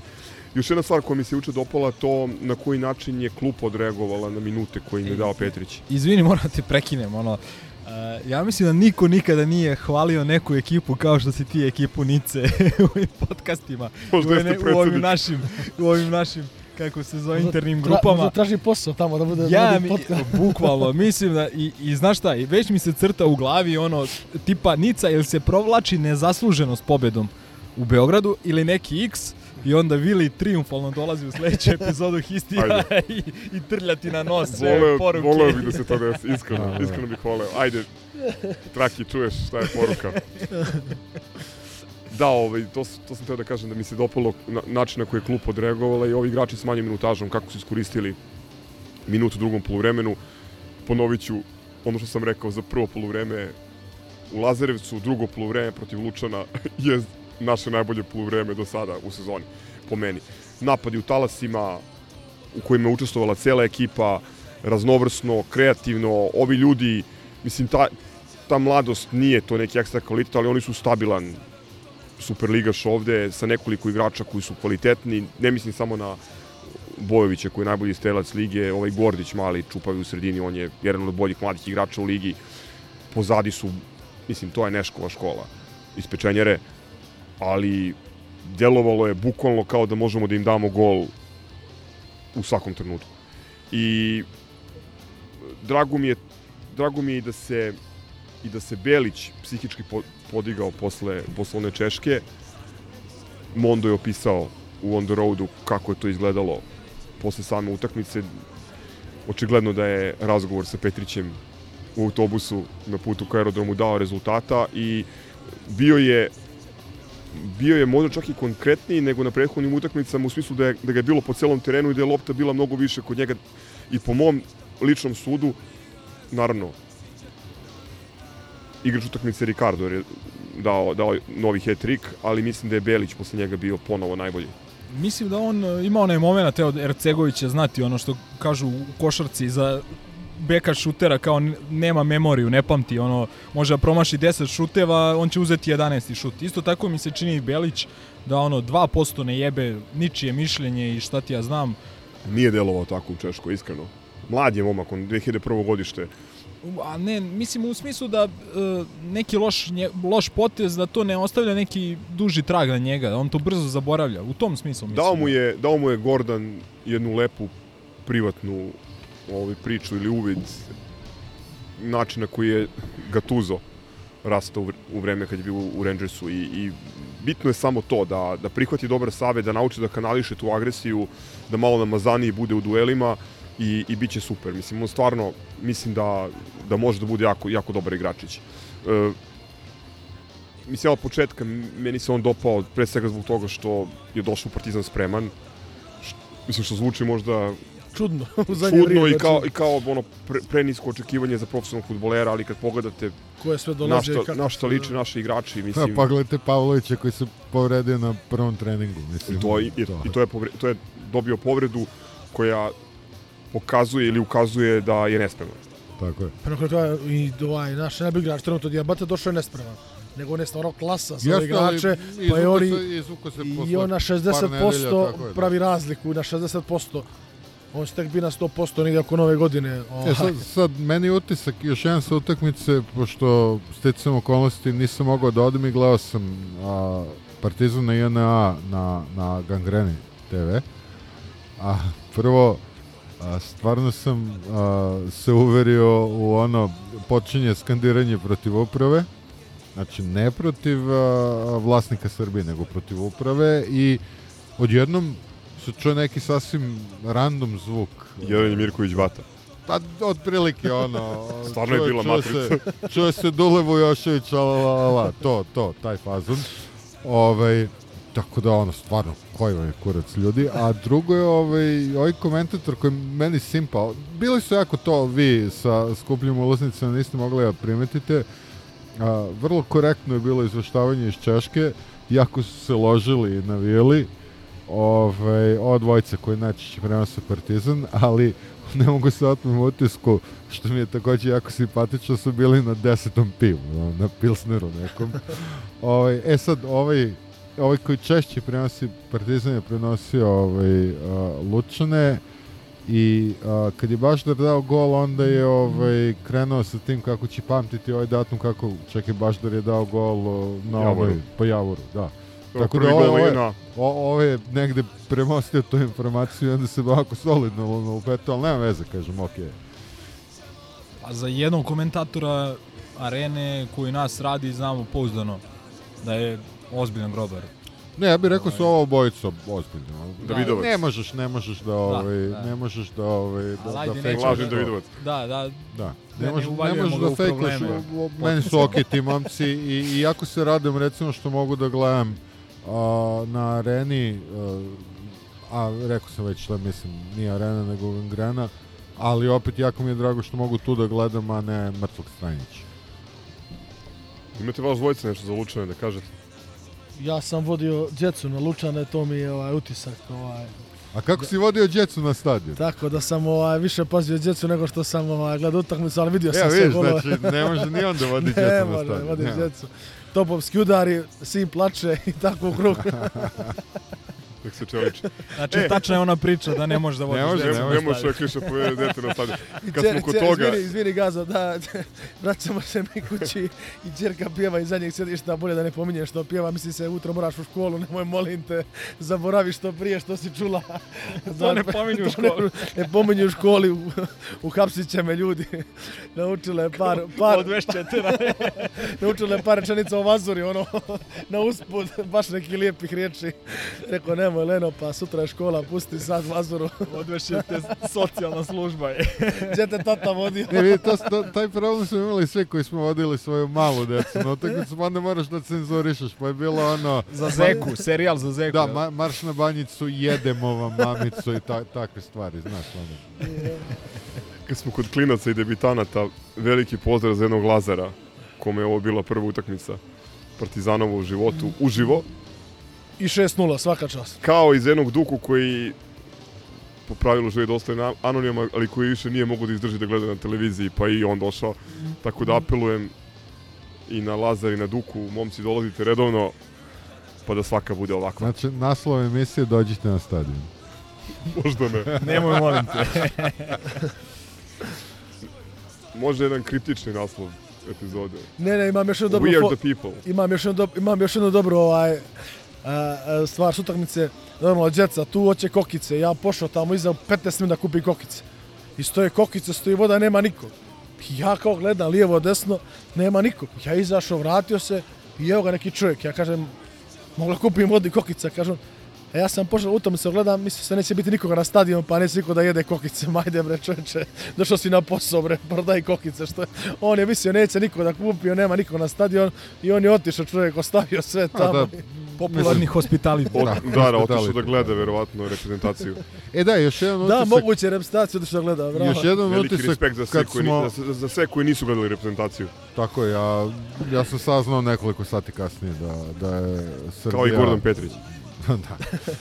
Koji je Elem, pitao, igra? Željko Obradović. Elen, kad smo kod, kod uslova da, da se ne vraćam na Vodokotlić, pošto nisam išao na, na, na stadion, da, po- bio je onako, ali ovaj, a, na što liči ona naša trava. Mi se žalimo kad odemo u goste da igramo po bunjištu, mi igramo na bunjištu, ljudi moji, na što ono liči. Baš ono. Već godinama, godinama je tako. Pa ne, onda, onda posle Isusnog rana zamene i onda to propadne za ne, nama je to dobro, i nama je to dobro, navikavamo se za, za Lučane Jeste, u goste, da, Surduricu u da. goste, nama je to stvari Ko plus. zna zašto je to dobro, da, neka ga, pusti ga. Dobro, pošto je mene Milenko izofirao na temu Nice, hoćete vi da date neka predviđanja pre nego što krenemo na štripu Ja ću, ja ću da kažem, laminata? bit će nice.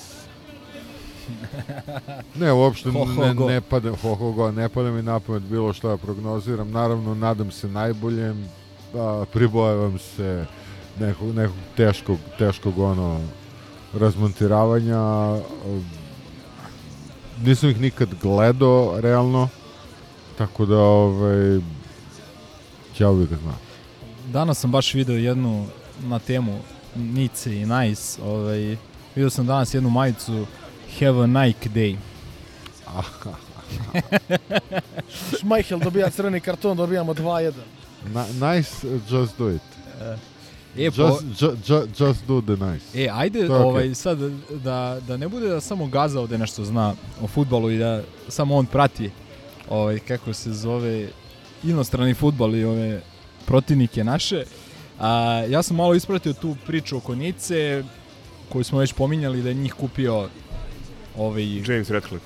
Tako je, koji je, da kažem, on je neki čovjek iz okoline Manchestera i on je pominjao se, pored da, Oldhama. pominjao se kao jedan potencijalnih kupaca. Inače, season ticket holder u Chelsea.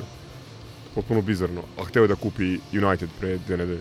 Uh, e, a da, ali... Ali gledaj- neće valjda da, da, da gleda te klošare. Sad poš, tako da E, ali ja sam čitao nešto- Pazi, bio sam u Failsworthu puno puta, sve, samo nije pošao. Ne, ne, ali vidi, znaš ono, hradište, znaš ono, zna, znaš ono kad, Engleske. znaš ono kad Rodni laže da navija za Chelsea, to ti je to, jebi ga, ispadne Da, da. pošto, to, to, je je ta fora. E, ali šta, ja sam čitao ne, nešto drugo, da je on uh, navijač Manchestera, a da je kupio Chelsea, mislim moguće da je sve to povezano, to jest da je pokušao da kupi Chelsea, odnosno da je poslao ponudu, čisto da stavi do znanja javnosti i drugim vlasnicima uh, klubova u premier ligi ja sam tu, imam ozbiljan novac, imam ambiciju da postanem vlasnik kluba u premier ligi i da je on znao da verovatno neće to biti prihvaćeno, ali da je to bio samo neki protokolarni čin i da je njemu zapravo pra, glavni cilj da kupi Manchester United, čiji je opet navijač jer je odrastao tu u kraju, ovaj koji šef Gaza bolje poznaje svakako od mene. Uh, on je sa tom Nicom krenuo u neku priču i šta je meni vrlo interesantno, a i to smo pominjali, uh, on ima taj svoj neki biciklistički uh, klub koji isto nenormalno ulaže, možda i najviše od svih u tom sportu, uh, koji je najuspešniji uh, tim uh, biciklistički u prethodnih 10 godina, ali zašto ovo pominjem? Zato što je on čoveka koji je bio glavni odgovorni što se tiče sportskog dela uh, u tom, dakle, biciklističkom klubu koji se nekada zvao uh, Sky, sada Ineos, on ga je uh, prebacio u Nicu.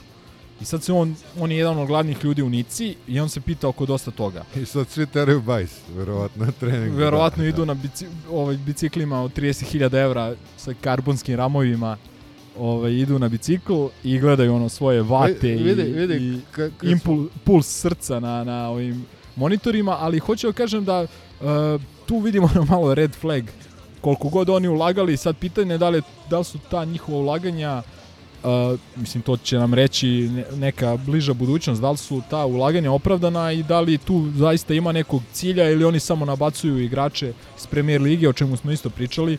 Evo sad su potpisali Rosa Barkleya, ti si sam rekao šta će im. Ovaj, tako Ne da, samo da su ga potpisali, nego ga nisu registrovali za ligu konferencije. eto vidiš. Tako da stvarno im... A čuo sam, nije provereno da, ni, e, da nisu registrovali ni Joea Bryanta, ni ovog špica iz Rena. Ko, njih su do, doveli su četiri igrača poslednjih dana prolaznog roka i čuo sam informaciju, ne znam da li je tačno, da ba, Barkley sigurno nije registrovan, da ni ovi ostali nisu registrovani, ali imaju 30, imaju više igrača nego Cigani. E, i moram još jednu stvar da kažem. Svi su po stvari merilo u Evropi koliko ima igrača. Ja sam, Ali mislim da Znači- tu niko ne može da prevaziđe Chelsea i nje, njihovih 78 igrača od Koji kojih je imaju 50... WhatsApp grupu Chelsea Loaniz, Da, pozdrav za Daču Pantića. gde, A- grupu u kojoj se mnogi ne poznaju, ne samo da se poznaju, nego se nikad nisu videli uživo. Pa da. U životu. Ovaj, Čak nisu čuli jedan za drugo. E, i još kad, samo kad smo kod Ko je toga, administrator grupe? još kad smo kod toga, pozdrav za vernog slušalca Histija Miloša, koga sam ja pitao jer znam da ovaj, prilično prati i evropski futbol i francusku ligu. Ovaj, pitao sam ga vrlo prosto jednostavno pitanje koji ima jači tim Monako ili Nica.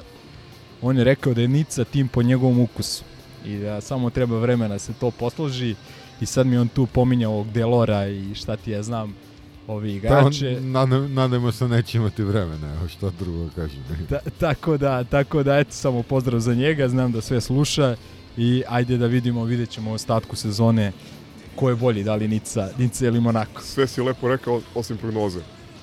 Pa rekao sam ja, ja malo pre, da se sve crta, da mi dobijamo Nicu ili da Nica, nažalost, nezasluženo pobeđuje i da Vili dolazi triumfalno ovaj, sledećih isti i da ti nabija na nos.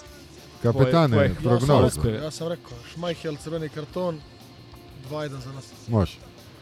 Ovaj, Ajde, ali, ali da, da, da, da citiram Zgro, šta god da bude, bitno nam je surdulica. Stvarno je to rekao Zgro. Šta god da se desi, bitnije nam je surdulicu. Apsolutno je rekao, mislim. Pa dobro. Tako da, ovaj, bit će, bit će taj četvrtak, ali bit će i nedelja posle. Ovaj. I u Surdulicu, ali tako? Da, da, možemo, možemo uvijek da kažemo da smo glavom bili u surdulici. A Surdulica je daleko, pa smo ono baš Jeste, odlutali, da, bili pa mislimo. je, negde. znaš, znaš koliko glavi treba da onda. Iš, išli smo na ovo finale klupa, znaš koliko treba, ne ide, pustimo. Ništa, ovaj, ako smo iscrpili i iscedili sve futbolske teme, sad Lemsi time. Imaš devojku ti.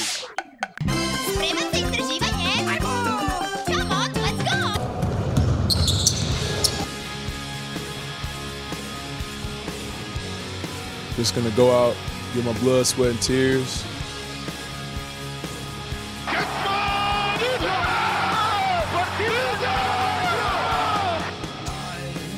Perché tifi Partizan Belgrado?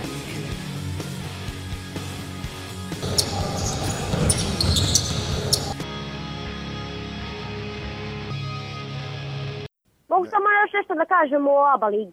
Yes, sir.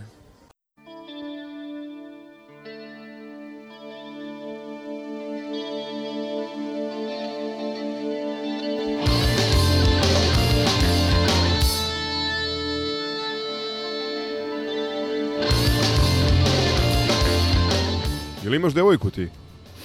Dve.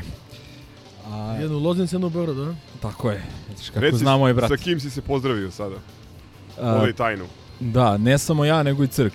Izlikali smo se, iz- čak I ja sam na daljinu, plus video.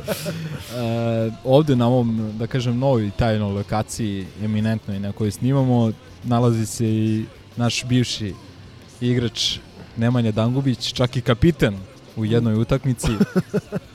Ja sam, ko, koga, pojedi, ko, koga pojedinci užasno hejtuju bez ikakvog razloga. Tako je. Pitaću vas kad popiše za FNP. Ali Ovaj. onaj drugi. Odnosno prvi, to je prvi. Ne znam se više ko je, ko je, pusti. to je prvi. Sa Ivo Lova Ribar. Radnički Novi Beograd. ako gledamo istorijske knjige. Radnički Novi Beograd, ali tako? O, ili Novi Sad, radnički, Da, čini Novi- se Novi da, Sad. Novi Sad. Ne, ra, da. Mislim da čak i... Rad, radnički basket. Zamislite ljudi, Ne, na što je došao naši klubovi kada im je taj gospodin i Živković kapiteni. Zamislite prije 15 godina teko kaže da tako- takva dva kapitena da ima. Neki možda dobri momci, možda dobri igrači, ali koji su tu vrlo kratko i došli kako su došli. I nevjerovatna, nevjerovatne stvari, nevjerovatna. Izofirali smo Mileta, izvijeni. Pa ne, skroz okej. Kad već nema Vilija da ubacimo malo ovih, da kažem. E, Znači, konačno smo došli do toga, Lemzi ima šta kaže, bili su ove E, da. prijateljske Ali utakmice. bolje da nema. E, sad, reci mi, ovaj, morao sam čak i dva, tri piva popijem da se malo da, opustim. Reci da. mi, ovaj, kako to tebi deluje, pošto naravno odmah su graknuli veći ti nezadovoljnici. Ovaj, neću da ostanem u opštim brojima, reći ću, pozdravit ću našeg brata Šurdu ovom prilikom. A da li, je, da li imamo razloga za paniku, da li krijemo karte, a, da, li, e, da li postoje šanse da ipak budemo šampioni ovog pripremnog perioda i da li uopšte ono, to ima ikakve veze. Kako to tebi deluje? Pa vidi, pod broj 1 mislim da više nema šansi da budemo šampioni pripremnog perioda zato što smo pogubili razne utakmice sa ozbiljnom razlikom. To pod broj 1. Pod broj 2 a, mislim da ima određenih razloga neću kažem za paniku, ali za zabrinutost apsolutno da. Ajde da se vratimo hronološki na sam početak. Dakle, pripreme su počele 20 čini mi se 2. avgusta, dakle to je po onom Euroliginom ugovoru sa igračima uh, da kažem prvi datum kada mogu da počnu pripreme zvanične, tada su došli stranci u Beograd i tada se krenulo sa kakvim takvim radom. Ono što takođe treba istaći, što je Željko u izjavi za TV Partizan i rekao da pojedini igrači nisu pojavili u željenom Tonus. tonusu, fizičkom stanju i tako dalje. mislim da je apsolutno svima jasno i to nije nikakva tajna. Svi su mogli da vide slike i snimke Dantea Exuma i da vide očigledan višak kilograma ovaj, e, kako se zove, koji on trenutno ima. Dakle, tu, to nema nikakve dileme da je jedan od igrača na koje je Željko mislio u toj izjavi i koji je, da kažem, malo bocnuo, on. Ono što je dobra stvar u vezi njega, što sam čuo, je da koliko lako dobija kilograme, toliko lako i gubi kilograme. I on bi trebalo da bude fit za početak sezone, za, za ozbiljnije utakmice i tako dalje. On čak i sad pokazuje neke znake te nek, svoje eksplozivnosti, on to ima jednostavno i prodornosti i tako dalje. Uh, veći je tu po meni pr problem i, i bitniji je moment njegovog razumevanja igre, šta Željko želi uh, i mislim da tu više zaostaje čak i nego što se tiče te fizičke spreme. A to se dodatno naglašava zbog toga što smo svedeni praktično na jednog organizatora i na malog Petrovića.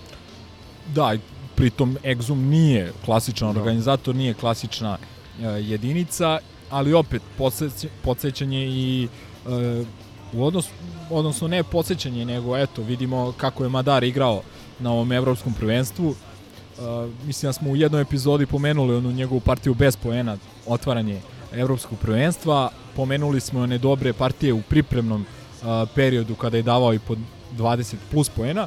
E, nakon te, tog otvaranja sa nula poena, on je u naredne četiri utakmice bio ili najbolji ili drugi najbolji strelac uh, Izraela. Ali svako najbolji igrač Izraela. Ali svakako, naj, najbolji mislim, ok, imao je tu ovaj Avdija koji je NBA igrač i koji je sigurno i veći potencijal i ima ozbiljnije telo i tako dalje. On je njihov igrač broj 1, ali Madar je nekako bio najkonstantniji u te četiri utakmice. Mislim da je beležio 16-20, 17-20 poena. Dakle, to je ozbiljan prosek protiv ozbiljnih protivnika na jednom ozbiljnom takmičenju i to je svakako jedan od razloga za optimizam a, koji ne možemo da primetimo trenutno odnosno koji ne možemo da izvučemo iz ovih dosadašnjih pripremnih utakmica, ali ne samo zašto sam uopšte krenuo u tu priču, a, nije me radovao samo taj moment njegov u smislu broja postizanja poena ili dobrih procenata šuta, posebno za 3 poena i tako dalje, već vidi se golim okom koliko taj momak bolje razume košarku, ozbiljnu, organizovanu, profesionalnu košarku u odnosu na pripreme prethodne sezone. Kup. U odnosu na Libernija kup, na primer. E, znamo i svi koliko je on oscilirao u toku sezone, koliko imao je e, čak i momente da ispada iz rotacije, da da je on višak za kup kao stranac, da Mur dobija prednost u odnosu njega i tako dalje, ali setimo se kako je od Marta već zaličio na ozbiljnog košarkaša, zaličio na košarkaša kakvog smo, kakvom smo se nadali i on sada pot, to samo potvrđuje i željno ga iščekujemo nazad, dobio je par dana odmora da se vrati u Izrael, da odmori. Jednostavno mislim, ne, nema ga potrebe forsirati i sad slati za Španiju da je jednostavno nek sačeka ekipu u Beogradu i to je to. Ovaj, on već poznaje Željkov sistem igre, uh, dobro zna šta se od njega očekuje i tako dalje. I opet kažem, godinu dana rada sa Željkom Obradovićem najbolje se vidi na njegovom primeru koliko on sada ozbiljni igrač i što je potvrdio na, na ovom prvenstvu. U tom smislu mislim da Exuma ne da ne treba otpisivati, nego mislim da on ako, ako je ovo najlošije kako on može delovati, to je super. Zato što ja vidim samo uzlaznu putanju za njega, opet kažem, ja sam i to Kuruca najavljivao kao potencijalno čudo od igrača i tako dalje, uvek treba neka ograda, ne, ne znamo šta je u njegovoj glavi, ne znamo kako se ponaša, kako reaguje na kritiku, na uh, savete i tako dalje, na loše trenutke, na teške trenutke sa kojima se svaki igrač suočava. Nadamo se da je Exum zreli u glavi i tako dalje. Pominjali smo da je radio sa Šarasom koji je takođe vrlo zahtevan trener, on se tu ponašao dobro. Na kraju krajeva Željko ga je sigurno doveo jer je od Šarasa čuo lepe stvari. Sve najbolje, ne bi ga doveo, ne bi pa, ga platio. Dobro, sad sve najbolje pitanje, možda ovaj bi ga vjerojatno zadržao da je sve najbolje, ali čuo je dobre stvari od njega i čuo je verovatno da ima potencijala koji može više da se razvije u Partizanu nego u Barceloni i koja juriša po svaku cenu na titulu Euroligi i tako dalje. Tu za njega nije bilo mesta, ali zato u Partizanu jeste. Tako da tu je veliki problem što se tiče ovih priprema, što je on faktički nama jedini uh, playmaker, opet nije pravi to je, playmaker. to je, ne, to je, to je, to je počelo od, njegove, od njegovog drafta. Na draftu su njega napisali PG crtica SG, kako to amerikanci, point guard i shooting guard. Tako on izašao na draft. I od toga dana kad izašao na draft, njega svi zove playmaker, playmaker. On je dečko daleko od playmakera. On je, on i ima on ima neku lakoću vođenja lopte i to djeluje kao neki je najveći kvalitet trenutno igra na low postu i ovaj, ta igra neka... u tranziciji, igra da. u tranziciji i prodor igra. To je to je njegov glavni glavni kvalitet ovaj na osnovu tih fizikalija koje ima, koje su spektakularne posebno za evropsku košarku.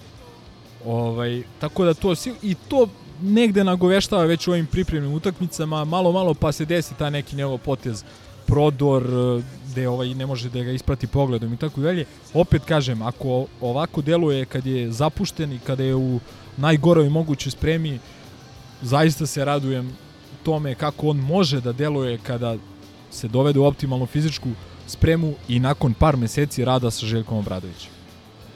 Jedno pitanje ti postavim, pošto je jedna od onako uvreženih teorija među navijačima Partizana da je najveća greška prošle sezone napravljena zato što u do selekcije u januaru nije doveden play. Da li misliš da sad postoji rizik da se desi isti problem, posebno ako Aleksin oporavak ne bude tekao brzo ili po nekom planu? Ja sam pričao i prošle godine da malo se to preuveličava taj problem pleja i organizacije. Mi smo dosta puta do, e, zapravo, šta je funkcija playmakera? Da ono što se kaže organizuje igru, ali u suštini da dovede saigrača u najbolju moguću poziciju za postizanje poena. Ako ćemo gledamo neku, da kažem, ne definiciju, nego ne znam, neku teoriju košarkašku. To se dosta često i dešavalo prošle sezone, ali smo igrali, imali smo igrače koji nisu mogli da to pretvaraju u dovoljno dobrim procentima, posebno u tom šutu za tri poena, posebno našem novom drugaru ovde i na njegovim ovaj, saigračima na poziciji 3. Jednostavno nismo imali odgovarajući uh, poenterski Samo doprinos sekund da i efikasnost uh, u šutu za tri poena sa pozicije uh, krila. Izvinite, prekinem sekund. Prošle godine si imao dva pleja, recimo dva pleja, Madara i Avramovića. To je njima prvo i ozbiljan klub u životu. Avramović igrao košarku, ali mu je Przan prvi ozbiljan klub u životu. Znači, on ima već druga godina sa ozbiljnim klubom i ozbiljnim trenerom u životu. Znači, će mu drugi igrači?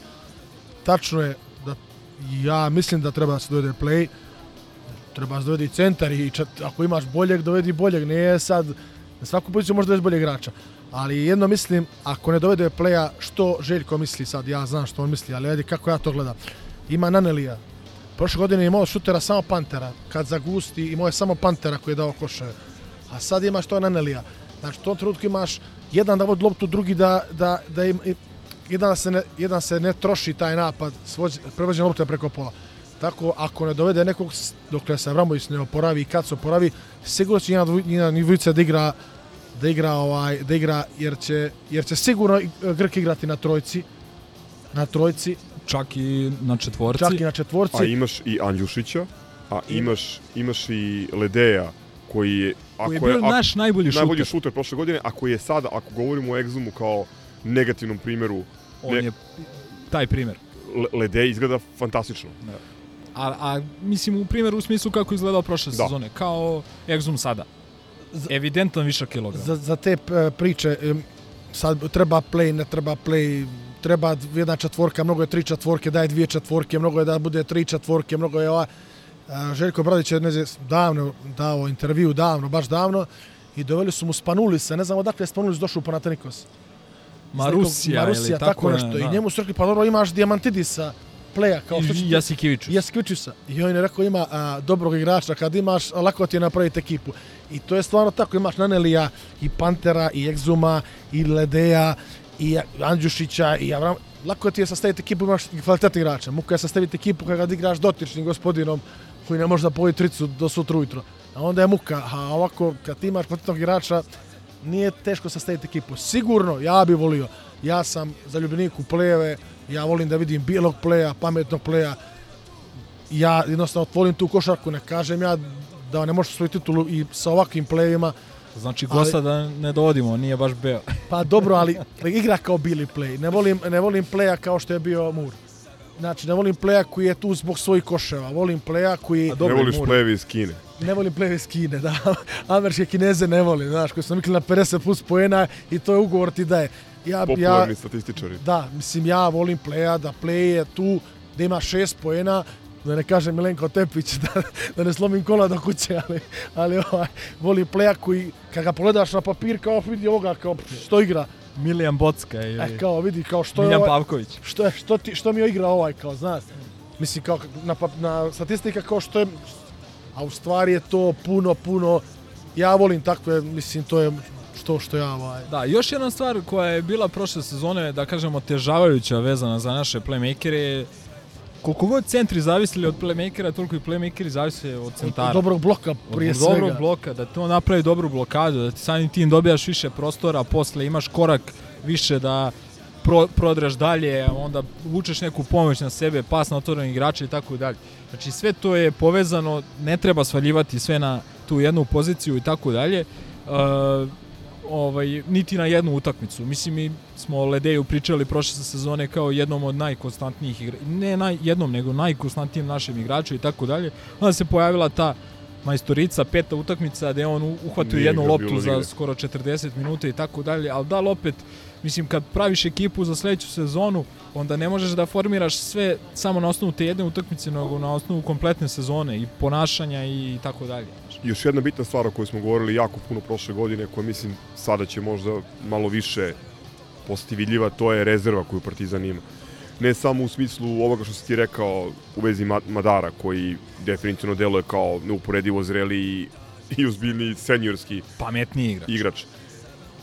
Tu je opet Smajlagić koji mora da prelomi ove godine da li hoće da igra ozbiljnu košarku Tristan takođe. I Tristan, e, to sam ostavio za kraj, koji ako postoji nešto pozitivno što sam ja video na ovom malom uzorku prijateljskih nebitnih utakmica, to je Vukčević koji deluje i fizički moćnije, deluje mi da je još porastao, ne znam da li jeste ili je samo frizura ona nova u pitanju. Nije to, nego igra na nižoj poziciji, igra gotovo isključivo na poziciji 3. Ne, ali I onda ti je, uz, znaš, uz, ono, ne, ne, ali varka, da. uz Balšu kad stoji, deluje mi nekako fizički onako... Pa viši on i od njega i, i bio i pre. Da, eh. Ja mislim. Ja mislim da je, Balša, da je Balša bio par santimetara viši, ali deluje fizički onako moćnije, deluje kao seniorski košarkaš, deluje da je dobro radio u Grčkoj, u teretani i onako, hrabriji je, dobija više protagonizma, više ne znam, on, on mi se dopao. On je, Isto, isto.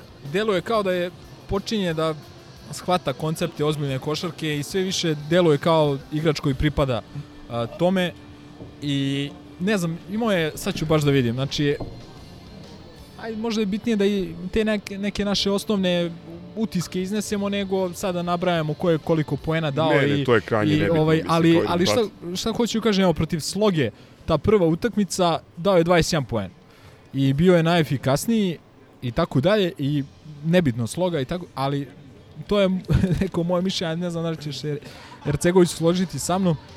E, mo, jednostavno i na tim utakmicama kad si evidentno bolji, dokaži da si bolji. Znači daj 20 poena. To, sam, to je mene zabrinulo onda sa Trifunovićem e, na kraju pretprošle sezone, ono protiv Mege, kad smo ispali u polufinalu KLS, kad on njima nije mogao da da više od 3-4 poena u proseku, protiv svojih vršnjaka i tako dalje. Znači, dokaže da si bolji, prvo dokaže da si bolji od te sloge, pa onda dokaže da si bolji od nekog borca, zadra i tako dalje, pa ćemo onda da vidimo gde si u odnosu na evroligaške Pazi, pa Pazi, za te igrače će da bude puno prostora, jer ti nemaš kao prošle godine imaš neke ekipe kući koje dobijaš 25 razlike. Ti godine niko ne dobijaš 25 razlike lagano kući. Znači, velik razlik među Eurolige i Eurokupa. a imaš, imaš mnogo zgusnutiji raspored gde će ovi igrači i, morati, I imaš, znači imaš... će rec- Glas i Tristan morati da igraju i- bitniju I ulogu. imaš recimo sad igraš protiv Makabija kući, pa imaš e, ili Makabi u goste, pa imaš kući, ne znam, Studentski studentski centar. i taj studentski centar tu treba da pokažu ti igrači da su oni stvarno bolji od studentskog centra. Ti možeš dobiješ studentski centar bez da pantera oznojiš. Znači, jednostavno da Da oni pokažu zašto Tako su u. Znači, zašto je Tako je. Smajlagić tu, Tristan, zašto je Balaša tu i ne znam, da jednostavno, evo, znači, ajde, kao imaš kao 8 minuta protiv Makabija ili 10, a imaš 25, ali to si dobio derbi bez problema, nije to bilo faul, nije faul, pričamo su bili koraci, mislim, tu oni treba pokažu pa malo po malo da jednostavno dođu do toga, oni su mladi, da na sredinu sezone dođu da imaju i oni po 20 minuta protiv Makabija da ne bude, ali u početku ih vidite se brzo, da li su oni brzo, vrlo brzo se, ajde, prošla sezona toga za ovoga iz Reala, sad smo ga pomenuli. Bre. Madar. Ne, iz Reala što je došao. A, Tristana. Tristana. Prošla sezona je bila onako, bez priprema s Partizanom, došao je, ne zna koju poziciju igra, nikad Željko očima nije vidio, Jest. ne znam što ga je snašlo, nije mu se suditi. Nije suditi ni ome malom uh, kretenu što je došao iz NBA, koji nigdje košarku nije igrao, pa je uzeo neki dinar, pa je došao, vratio se u Srbiju, malo ima više para, žene ga vole, njemu nije suditi odmah za jednu sezonu. Ali evo sad, prošao si, izašao si igra dva, tri puta, pale su te starlete, provozao se kolima, a je sad da vidimo, jesi ti košarkaš ili da se vratiš u, gdje je igrao preko Dunava? Koteš. Ili Koteš. Ajde sad da Beko. vidimo, sad da vidimo, ovaj, e, to je tu blizu, e? Mhm. Eto da vidimo sad, ajde okej, jednu sezonu razumijem, klinac je to, 20 godina, uđu pare u džep, živiš u Kotežama, imaš milion u džep, došao si u svoj grad, tu, mislim, sve to vuče svoje. Nije lako to kontrolisati. Nije svako balša ko privica da ne progovara riječ. mislim, i da trenira. Mislim, okej, ali daj sad, evo vam sezona, Direktor. evo vam sezona da se pokažete. Imate utakmice, izigrate 30 minuta, ako zaslužite. Imate priliku, znači niko mi ne može reći, e, nisu dobili priliku. Dobit će svi priliku, sigurno bud. Toliko se igra, brat, igra se tri utakmice u 7 dana, svako će dobiti priliku. Samo još jednu stvar da kažem, e, ja se plašim koliko će biti potrebno Avramoviću da se vrati. I to mi je najveća briga i zato mislim da mora da se dovede još jedan igrač. Bilo bi dobro. Bilo bi dobro i ja mi, koliko čujem radi se na tome da se dovede playmaker, ali ja bih iskreno što je Jercegović pomenuo, ja bih bez ikakve dileme doveo jednog centra. Fali nam to, toliko nam prvo i osnovno, mnogo poena primamo, dopuštamo mnogo trojki u svim utakmicama, počeši od utakmice protiv borca, gdje su nam u jednoj četvrtini dali devet trojki. Pozdrav za mog brata Aleksu koji je bio ovaj, na tom turniru. Specijalni izveštač. I sve, specijalni izveštač. Uh, I da, pozdrav za Tegija što nam je omogućio da gledamo, gledamo Samo mi reci, utakmice. jel Aleksa ima devojku? Ne znam, to moraš njega da pitaš. a? Da, pitat ćemo Aleksa. Ovaj, kako se zove, uh, ali opet, evo, koliko je ono paradoksalno, baš smo pominjali Jercegović ja prije što ste došli, kako je pre bilo ono lakše i lepše, jebote, nisi, ma kakvi, nisi znao ni rezultate Čak pripremnih je Dule utakmica. zaključavao dvoranu, nije, Jeste, nije ni semafor radio, nego... Ma ne. debre da kažeš. Zaključio i proguta Ne, ključ. Ne, ne, mi kad smo, sa- onda je, to je bilo, to je bilo, igrali smo protiv uh, Amerikanac u Ameriku, išli smo na turneju. NBA, da. Pritom sa Banetom Đekićem, sa Marićem, bez pleja. Strahijom sa- Milošević. Strahijom Milo- I mi smo tamo gubili i bio je haos, sjećam se, to se čulo jer je to ipak ideš u Ameriku igrati protiv Phoenix Sunsa i Denver Nuggetsa, tamo nas je onaj Farid razbio, je sjećam se. pravio legendarni prilog. Legendarni prilog iz dva, iz dva minibusa. Kupovina plazme u Čikagu. iz dva mini, vidi ljudi dva minibus, Slavko Vranješ igra prvog centra, Marić povrijeđen, mi tamo gubili 30 razlike i bilo je bruku u Beogradu, ja vidi gube 30, zamisli, misli koliko je toga prošlo, se izgubilo se nije ni znalo, niti se čulo, I, ni... i, ali zapravo, vidi, sad si Pa pomenuo dobro, to. ima sad malo razlike, izbu- izgubiš od Phoenix Sunsa, izgubiš od Borca ne, ali to, je tada, ali to je tada počelo kao prijateljske Ajde su sad. bitne što si izgubio, uopšte je nebitno. Je. Tebi je bolje izgubiš 50 razlike, ali da ti ma, uh, tri, ovaj, Vukčević pokaže neku klasu i ti imaš igrača, znaš da ga imaš. Nego si dobio 50 razlike, ti je dao ponovo Panter 50 koševa i ti znaš da nemaš niko više sem Pantera. Puno je biti neki mali, ne mali igrač, visoki su svi, nego ovaj, igrač koga ne računaš toliko da ti on nešto tu pokaže da, da može, nego dobiš 50 razlike, a, a da ti igrač isti daju koševe, mislim. ali već je, već je zvono za uzbunu tada. Nisu bile te utakmice sa NBA turn, turnijer, naravno. Sada vidite, smo izgubili prvu kuću, je li tako? Cibone. Cibone, izvini, Dali Cibone. 53 poena, čini mi se. Znači nismo mogli nismo mogli ono više od 50 poena jednoj ono da kažem vrlo skromnoj ekipi Cibone da damo. A, pa smo izgubili i prvo kolo dali od Unikahije i tako dalje. Dakle, bilo je a, milion nekih problema i na kraju se ta sezona znamo svi kako odvijala. Nakon toga ne kažem da će sada biti taj slučaj, Ja mislim ali doće, što hoću ne da kažem, ja doće. hoću da kažem da sve ovo ne mora nužno znači ne ne mora uopšte da znači da će sezona biti loša. Ja se sećam, sećaš možda uh, Bayerna pre dve sezone kad je Trinkeri napustio nas i otišao u Bayern. Počeo nula, počeo nula, kako Ne, je ne, počeo? to je prošlu sezonu je prošlu- počeo 0-4. A pretprošlu sezonu je na uh, pripremnim utakmicama sve gubio po 20-30 razlike. Bukvalno su se svi sprdali sa njima, pritom je ekipa delovala skromno na papiru i videli kao vidi ovog budalu, znaš kao šta se desi, počnu sa 5-1, čini mi se na kraju odu na Na, final, na, na top loptu, top na top loptu od Na Final, Final Four. Da. da. Tako da to je čuvena reč proces i sve ovaj e, sve to mora se istrpi, ali da postoji da se vratim crk na to je osnovno pitanje koje postavljam pre nekih 20 minuta, da postoji razloga za brigu Apsolutno da, to nam pokazuje ove utakmice u Španiji poslednje protiv uh, Fuenlabrade i posebno protiv Juventuda gdje smo izgubili 15 i 30 razlike. Sutra igramo sa Barsom, preko sutra sa Manresom, dve odlične ekipe. Čekaj, prošle godine smo gledali IT za Arenu, dobili smo Fenera, ja sam u tom trenutku mislio da ćemo osvojiti sve živo. Ne Fener, Efes. Efesa, Efesa E. dobili. I ja sam u tom trenutku mislio nas niko dobiti neće do kraja sezone. E, I onda se desi Litvanija minus 40 u, Litv Letoniju protiv Moćo Gagića. I, Belica. I, tako i dalje dešavalo se, mislim, u tom E, trenutku a- sam mislio, god, mi smo za NBA ekipa. A kako je Efes delovao i tada i, I tada, i e. veći deo sezone i na kraju uzeš se, Mislim, to je u basketu Znaš, se to... mnogo je nezahvalno i za prognozu i tako dalje. Treba opet istaći da nama uh, na ovim utakmicama fali dosta igrača. I to nam fale što nego, izvini, fali nam e, dva igra, ajde, fali nam više, ali dva igrača na poziciji je istoj poziciji. Jest, znači, Madar i Avramović. Znači, igraš, igraš s nekim klincem. Je, ali ono što me brine je što Avramović, ko zna kad se vraća, to je...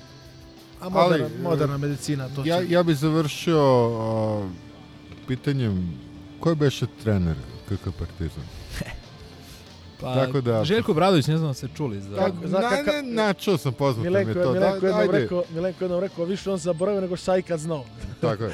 Tako da, ajde, ajde da, da iskuliramo a, i da, kako kaže, verujemo u procesu. Tako je, trust the process i ovaj, uh, samo da... Nemojte to, proces tako zovu 76ers, proces Pa i onda da. Pa jebi ga, digli su se, brate, naš. O, gdje su se digli tačno, doveli Hardena tek sad ni na nebu ni na zemlji. Znaš. Ali, ali e, samo još par stvari. Dakle, e, treba napomenuti da nama fale, pored pomenutih Avramovića i Madara, fali Papa Petru, koji je takođe imao problema s povredama, malo slabije se uvodi u ritam na evropskom prvenstvu, ali sinoć je odigrao odličnu utakmicu i bio je možda ključni igrač za u, u, ovaj, da Grčka dobije tu utakmicu u ti nekim kriznim momentima. Fali Naneli na ovoj španskoj turneji zbog lakše, lakše povrede ovaj, je preskače. Fali Gregor Glas koji je takođe igrač koji je pokazao da ume da da i po 20 pojena dobrim protivnicima i fali to neko pojačanje koje siguran sam da će se dovesti da li na, samo na poziciji 1 ili možda i na poziciji 5 ako smem da a, ovaj da nagađam, mislim da je Željko u toj kritici o stanju, fizičkom stanju igrača, mislim da je mislio i na Lesora. Meni deluje da nije u formi, da nije fizički spreman, a čak i minutaža u pojedinim utakmicama mi a, tako nešto govori.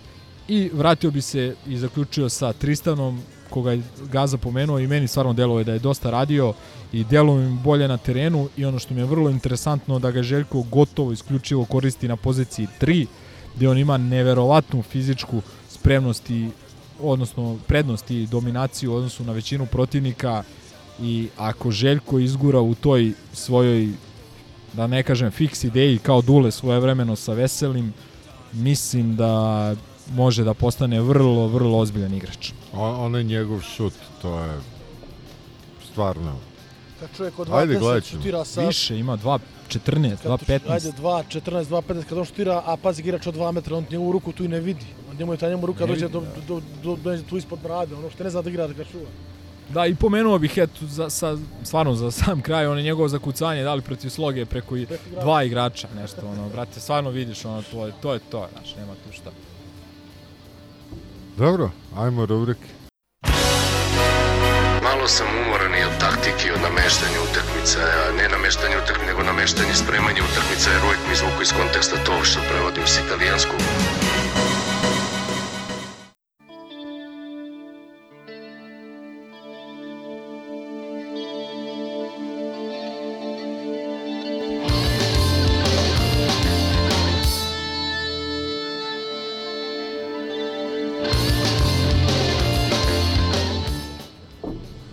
Da ne komentarišemo događanja na ovim izbornoj sednici znam, za JSD. čekamo da Evo, ja sam, ja sam malo pre listao ove Da grupe, grupe gde pišu, pišu grobarska braćima i kurac ne razumem.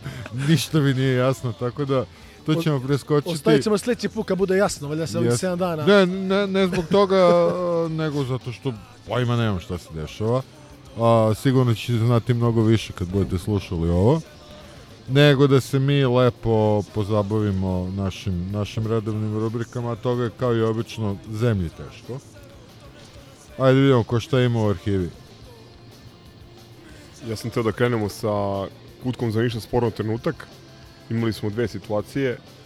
Jednu iz Lazarevca, penal nad Menihom koji, koji nije dosuđen i možda ozbiljnija situacija juče u Novom pazaru gde je Pešić, kako, kako, kako su zaključile, ja mislim, manje više sve redakcije sportske štampanih medija spasio zvezdu A iskoristio iskustvo, tako je nešto bilo, konstatacija.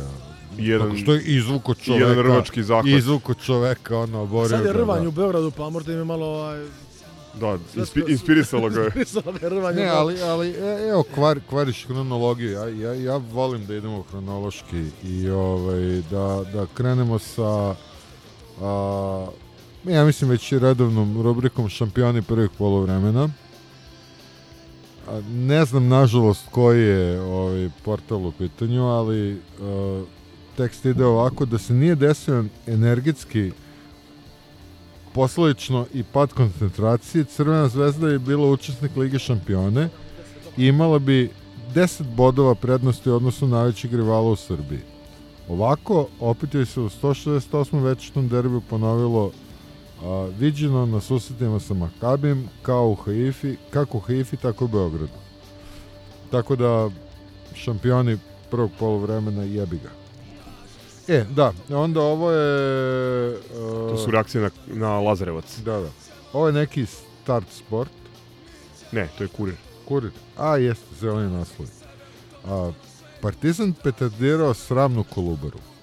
Crno-beli mogli da daju i 10 golova da su htjeli. Ricardo Blista. A onda a, naslov setimo se a, 16.10. dakle ne tako davno, moćna zvezda pregazila Kolubaru crno-beli, Rapsodijom u prvom delu demolirali Lazarevčane i u sjajnoj formi putuju u Dansku. Ta dva naslova su sve. To je, to je to. Ne, nema šta, nema dalje.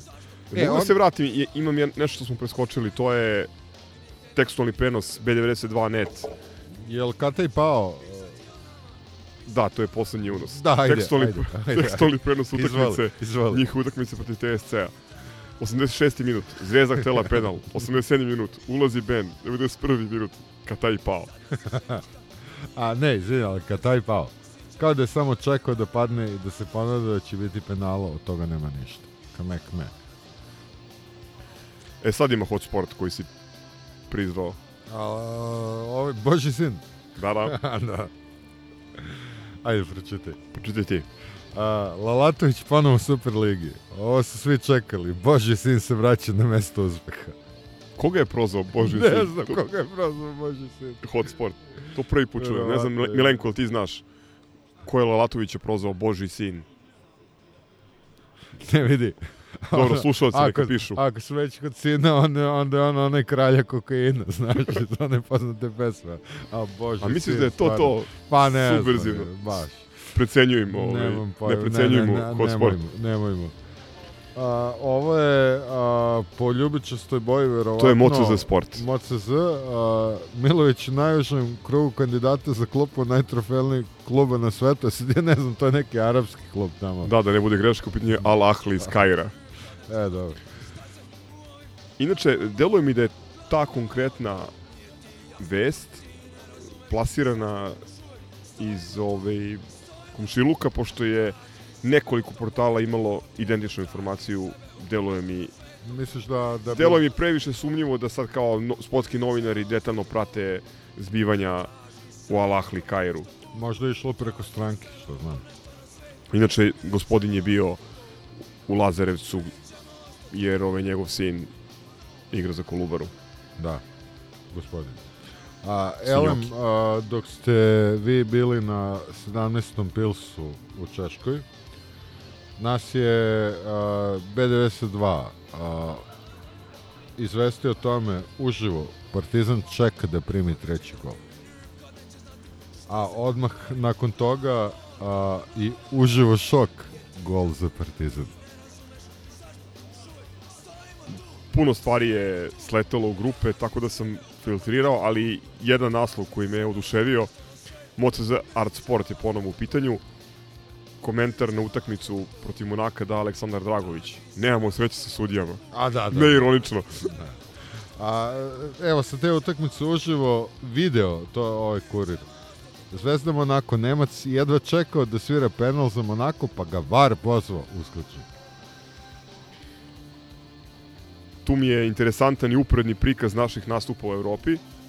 S jedne strane, slušajte dobro, thriller na Marakani, Zvezda nezasluženo poražena od Monaka, znači thriller 0-1 sa penala, a kod, kad je Partizan u pitanju, Partizan se blamirao pa napravio čudo. Da, da, da. A, evo imamo ovde, a, nažalost ne vidim izvor, ljudi kad screenshotujete, uhvatite celo, molim vas. Hrabra zvezda pala sa penala. Crveno-beli promašivali i nesrećno izgubili od Monaka Srnić tragičar, sudija navlačio za goste. Da, po ovim kapsovanim rečima ovo je swing former, 1 kroz 1. Da, deluje da je, da je to njihova priprema. Ja imam još jedan zaumni izveštaj posle slovatskog Partizana skeneru B92.net pa, pa ste sad Beliću ispisnica Dijabate u Povišica. Da, da, da, to, to, to, to sam imao u, u arhivi. Evo jedan lep od uh, Mozart Beta, ove, koji kaže da je Zvezda je pred 40.000 navijača odigrala jako dobar futbol, bla, bla, bla. 40.000 navijača, njih bilo 18. Ali jebi ga, Severna Koreja, šta da ti kažem. Milenko se čutao. E, da, imamo, imamo ovaj, direktno od strane generalštaba imamo, imamo jedan ovaj, omaž koji kaže ček da okrenem ovako. A, iz utakmice u utakmicu pozivamo na pun stadion, ali isto tako ne želimo da dopustimo da na tribinama Marakane prevladaju histerija, razmaženost, mentalitet iz kladionice i sa Twittera. Zviždaj. Neka prevlada histerija. A, I kad smo već kod toga, a, pratim i podižem, odmah sutradan izlazi u, ovo je, rekao bih, a, Novosti. ružno, a? Novosti. Ili novosti. Novosti. O, još bolje. Novosti našeg a, Milorada Vučilića. Moj nije, hvala lepo. Kažu, ne, ne, izvini, izvini, ali ko, ko ti je predsednik? A, grupa navijača Zvezde na zapadu se baš istakla pod navodnicima podrškom svojim ljubimcima sramni zvižduci magiku. Odnosi se na KKK Ataija.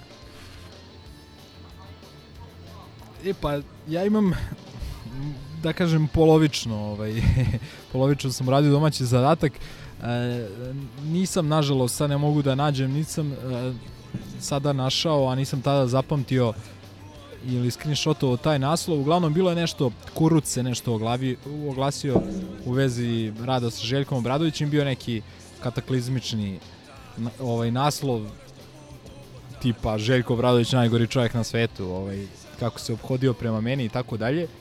I ovaj ne budem ja lenj i nađem uh, taj letonski izvor na koji su se ovi pozivali. Čekaj, pročitaš na izvornom letonskom. A, da, i ništa ne razumem, ali onda, onda kontaktiram Google Translate. Aha. I, I vidim da tu on ništa nije, da kažem, spektakularno rekao ružno, ništa.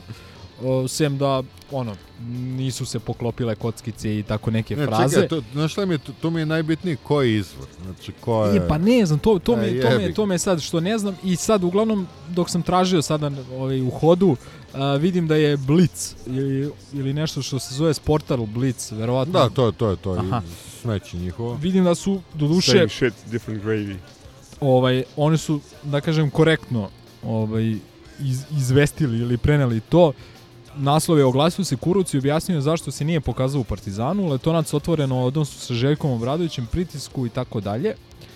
I pre, e, pre, preneli su kompletno tu njegovu izjavu i on je rekao imao sam tri teške godine iza sebe, pre svega mentalno, u Srbiji sam imao veliki pritisak i od strane trenera Obradovića, nije to ništa novo, srpski treneri su po tome poznati, želim da naglasim da nije postao nikakav konflikt sa Željkom. Jednostavno stvari se nisu poklopile, odlučio je da pruži šansu mlađim igračima i to je to. I to sam ja tada pročitao na tom izvornom letonskom jeziku i stvarno mi je žao i eto, ako je neko slučajno ovaj video i sačuvao taj Iako priča letonski. i ako ne ne, ako je neko video taj iz nekog domaćeg medija neka nam javi koji je to bio jer su preneli kompletno drugačije od onoga šta je čovjek rekao. Železni Herald. Da. Globe. ok ljudi, ja mislim da je to to. Koga ćemo pozdravimo? Pa ja bih pozdravio Umara Sadika koji je nažalost Da, koji se skrljao. lige, lige, Op- opasno se skrljao. Jeste i izgleda da će propustiti čitavu sezonu. Taman što je ostvario taj svoj veliki transfer i počeo lepo, dao je gol protiv Atletico Madrida, igrao na Old Traffordu protiv Manchestera u pobedi Sociedada i eto, jebi ga šta da se radi, ali na dobrom je mestu i nisu sad te povrede kolena liga, ligamenata, nisu ono karir ending povrede kakve su bile do ne, pre neki pet da ne pričam 10-15 godina, tako da se nadam da će Sadik se vratiti i da će ponovo tresti mreže.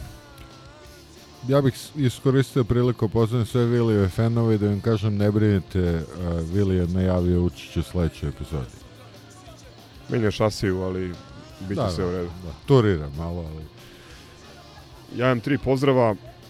Uuu, Pozdrav za juniore Partizana, odnosno crno-bele bebe, koji su osvojile, ako se ne varam, tri prestižna turnira. Budapest Kup, to je, ako se ne varam, 2011. 2012. je pobedilo Dinamo na turniru u Podgorici i uh, omladinci, odnosno stari kadeti su pobedili na prestižnom Nero Rocco turniru u Firenci. A gde su oni čuveni turniri, turniri u Viaređu? Jel postoji još uvek? Postoje, ali to je za... Starije malo. Za starije, za omladince. Što je generacija koja se kod nas nekako spontano izgubila, što zbog toga što kadeti direktno ulaze u prvi tim, što zbog toga što igrače koji igraju u, tom godištu mi već mi. E, ja, Već uveliko pro, prodaju ovaj, u inostranstvu. Ajde iskoristim priliku, ovaj, privatizujem. E, sad se više ne sjećam da li je to bila neka ekskurzija ili neka razmena đaka u nekoj srednjoj školi recimo i, i sad ideš tamo, obilaziš ono sve što se obično obilazi Firenca, Pisa, šta ti ja znam i odem u Viareggio. To je, ja mislim, taj deo tu, Livorno, Pisa, šta ja znam, obala Tiranskog mora. Apsolutno niko nije znao to mesto, niti zašto idemo tamo i tako dalje. ja sam znao samo zbog tih turnira čuvenih omladinskih ovaj, futbolu gde smo mi kao druga najbolja škola u Evropi obično osvajali. Još dva pozdrava. Pozdrav za nesuđenog trenera FNP-a, odnosno ranješkog basketa Pabla Lasa, koji je razočarao železnik i dočekao Željko Bradovića i delegaciju Partizana u Madridu. Sad, sad ovaj, jebote mi uopšte nismo pomenuli To je poslednji pozdrav sa kojim zak Da, želim dobro, emisiju. To je dobro. pozdrav za bratsku Fuenlu. To je pa, pričali smo o tome u prošloj sezoni, a i u pretprošloj možda najlepša najromantičnija, najfilmičnija sportska priča koja postoji. Pa to vam je ono što je u futbolu AFC Wimbledon, to je to je veza između Partizana Ne, to je beg i u, Fuenlabrade. to je beg u pobedu, ono, ali ne znam šta bih rekao, valjda će jednog dana Hollywood imati dovoljno mozga da od toga, Ekranizuje. Samo ti kažem- da ekranizuje toga napravi ozbiljno novac. Neće, neće, a, a ako bude imao igraći Spider-Man i Hulk za Partizan, tako da ne želim to da gledam. I da, i vjerojatno neki čudni sport. Sa Jajasnom loptom. Ej, ovaj... Ali onom kožnom. Ne, e, zaista fantastično i e, tu mi je glavni utisak zapravo e, koliko se ta neka priča koja je kod nas dobila puno novih dimenzija i proširila se i među običnim navijačima i među mlađima i tako dalje, koliko je ovaj, koliko se zapatila i među, i među špancima i ne znam koliko klubova košarkaških može se pohvali da neka hala ili sala ili dvorana trenažna nosi ime njihovog kluba, a da se nalazi u nekoj drugoj zemlji. I ništa, ono, samo apel na ljude da neguju tu priču, da da je šire, da pričaju svoje deci, svojim prijateljima, svojim rođacima, e, da negujemo to prijateljstvo i evo, ja ću treći put ići na hodočašće u Vojn Labradu, nadam se između ove dve euroligaške utakmice u novembru. I pritom vrlo važna napomena je da je Španija stvarno jedna sportska zemlja. Navedite sport i Španci su u tome bilo koji sport Španci su tu verovatno u, u samom vrhu ili pri samom vrhu i tako dalje. Dakle, to nije neka zemlja željna e, sporta i zemlja kojoj fali sporta, pa oni sad trude se da pripoje ne, tuđe, ne, ne znam. Znači, to je prosto neverovatno. Ta njihova neka unutrašnja, ne mogu kažem potreba, nego ta spontanost iz koje se rodila ta ljubav uh, u, kažem, u zemlji koja je vrlo sportski bogata, koja tradicionalno prati sport i nego i tako dalje, to je nešto stvarno što, što je mislim, bar za divljenje što se naše strane tiče. Apsolutno, ja nisam teo sada da nekim obskurnim upisima medijskim kvarimo ovaj, ovaj opšti utisak koji je fantastičan. fantastičan. Pogledajte samo, evo ne morate ići dalje, pogledajte samo objavu Lige Endesa, znači Španska košarkaška liga je prenela atmosferu uoči početka te utakmice. To je jedan od naj, a, siguran sam, jedan od najpraćenijih kanala košarkaških liga u Evropi. S druge strane, u Srbiji to je, to je jedna sramota, jedva pro, pomenuto u prolazu, fokus na Partizanovom porazu u pripremnom periodu, bez konteksta, bez ovaj, priče o tome da je, bez pomena da je ovaj, u, u delegaciji koja dočekala Partizan bio i bivši gradonačelnik Fuen Labrade, sadašnji predsednik kluba i sadašnji gradonačelnik, e, bez pomena činjenice da će trening hala Fuen Labrade nositi ime našeg kluba, u istom gradu futbolski stadion nosi ime Fernanda Torresa, a dvoranu koju smo igrali ovog Fernanda Martina. I da su imali koreografiju onako crno-belu i tako dalje. Sa, sa podeljenim, restilizovanim grbom dva kluba. Da. Činjenica da oni, da ti ljudi koji znači, raspadali su dvoranu, smatraju Partizan kao početak košarke u, u njihovom mestu. Klub da. njihov postoji 25 godina, Partizan je pre ovaj, 30 godina tamo igrao i praktično začeo košarku na najvišem nivou ovaj, u, u, u tom gradu divna, divna priča, molim vas ljudi, negujte, širite dalje. I samo da se šta god da Madera kaže samo ili da šta god da Madera Ka, želi da ka, verujete. Kako da ti kažem, Madera ima jednu drugu success story iz predgrađe, tako da ovo nema Neko šanse. Svako drugo ima svoje predgrađe. predgrađe Da, kao rezervni položaj. Eto naslova epizode. A ovaj, samo da se nadovežem na tu lepu priču kojom smo zaokružili ovu, čini mi se, jako dobru epizodu. Ovaj, ja bih pozdravio za sam kraj mog velikog druga, jednog od najboljih drugova Filipa, velikog partizanovca ovaj, i vernog slušalca našeg podcasta koji je, kako se kaže, stao na ludi kamen. Ovaj, O, čestitke Filipe. ovog Šta ti je to trebalo u životu? ajde. proteklog vikenda, tako da Filipe, ljubite i volite brat puno, a ovaj i sve najbolje tebi Jani u ovaj u narednim godinama i da se poklopi sa malo lepšim rezultatima Partizana i sve će bude okej. Čestitamo. I odjavljujemo. Ćao. Ćao. Ćao. Ciao, brate. Salim ti prijetna dan.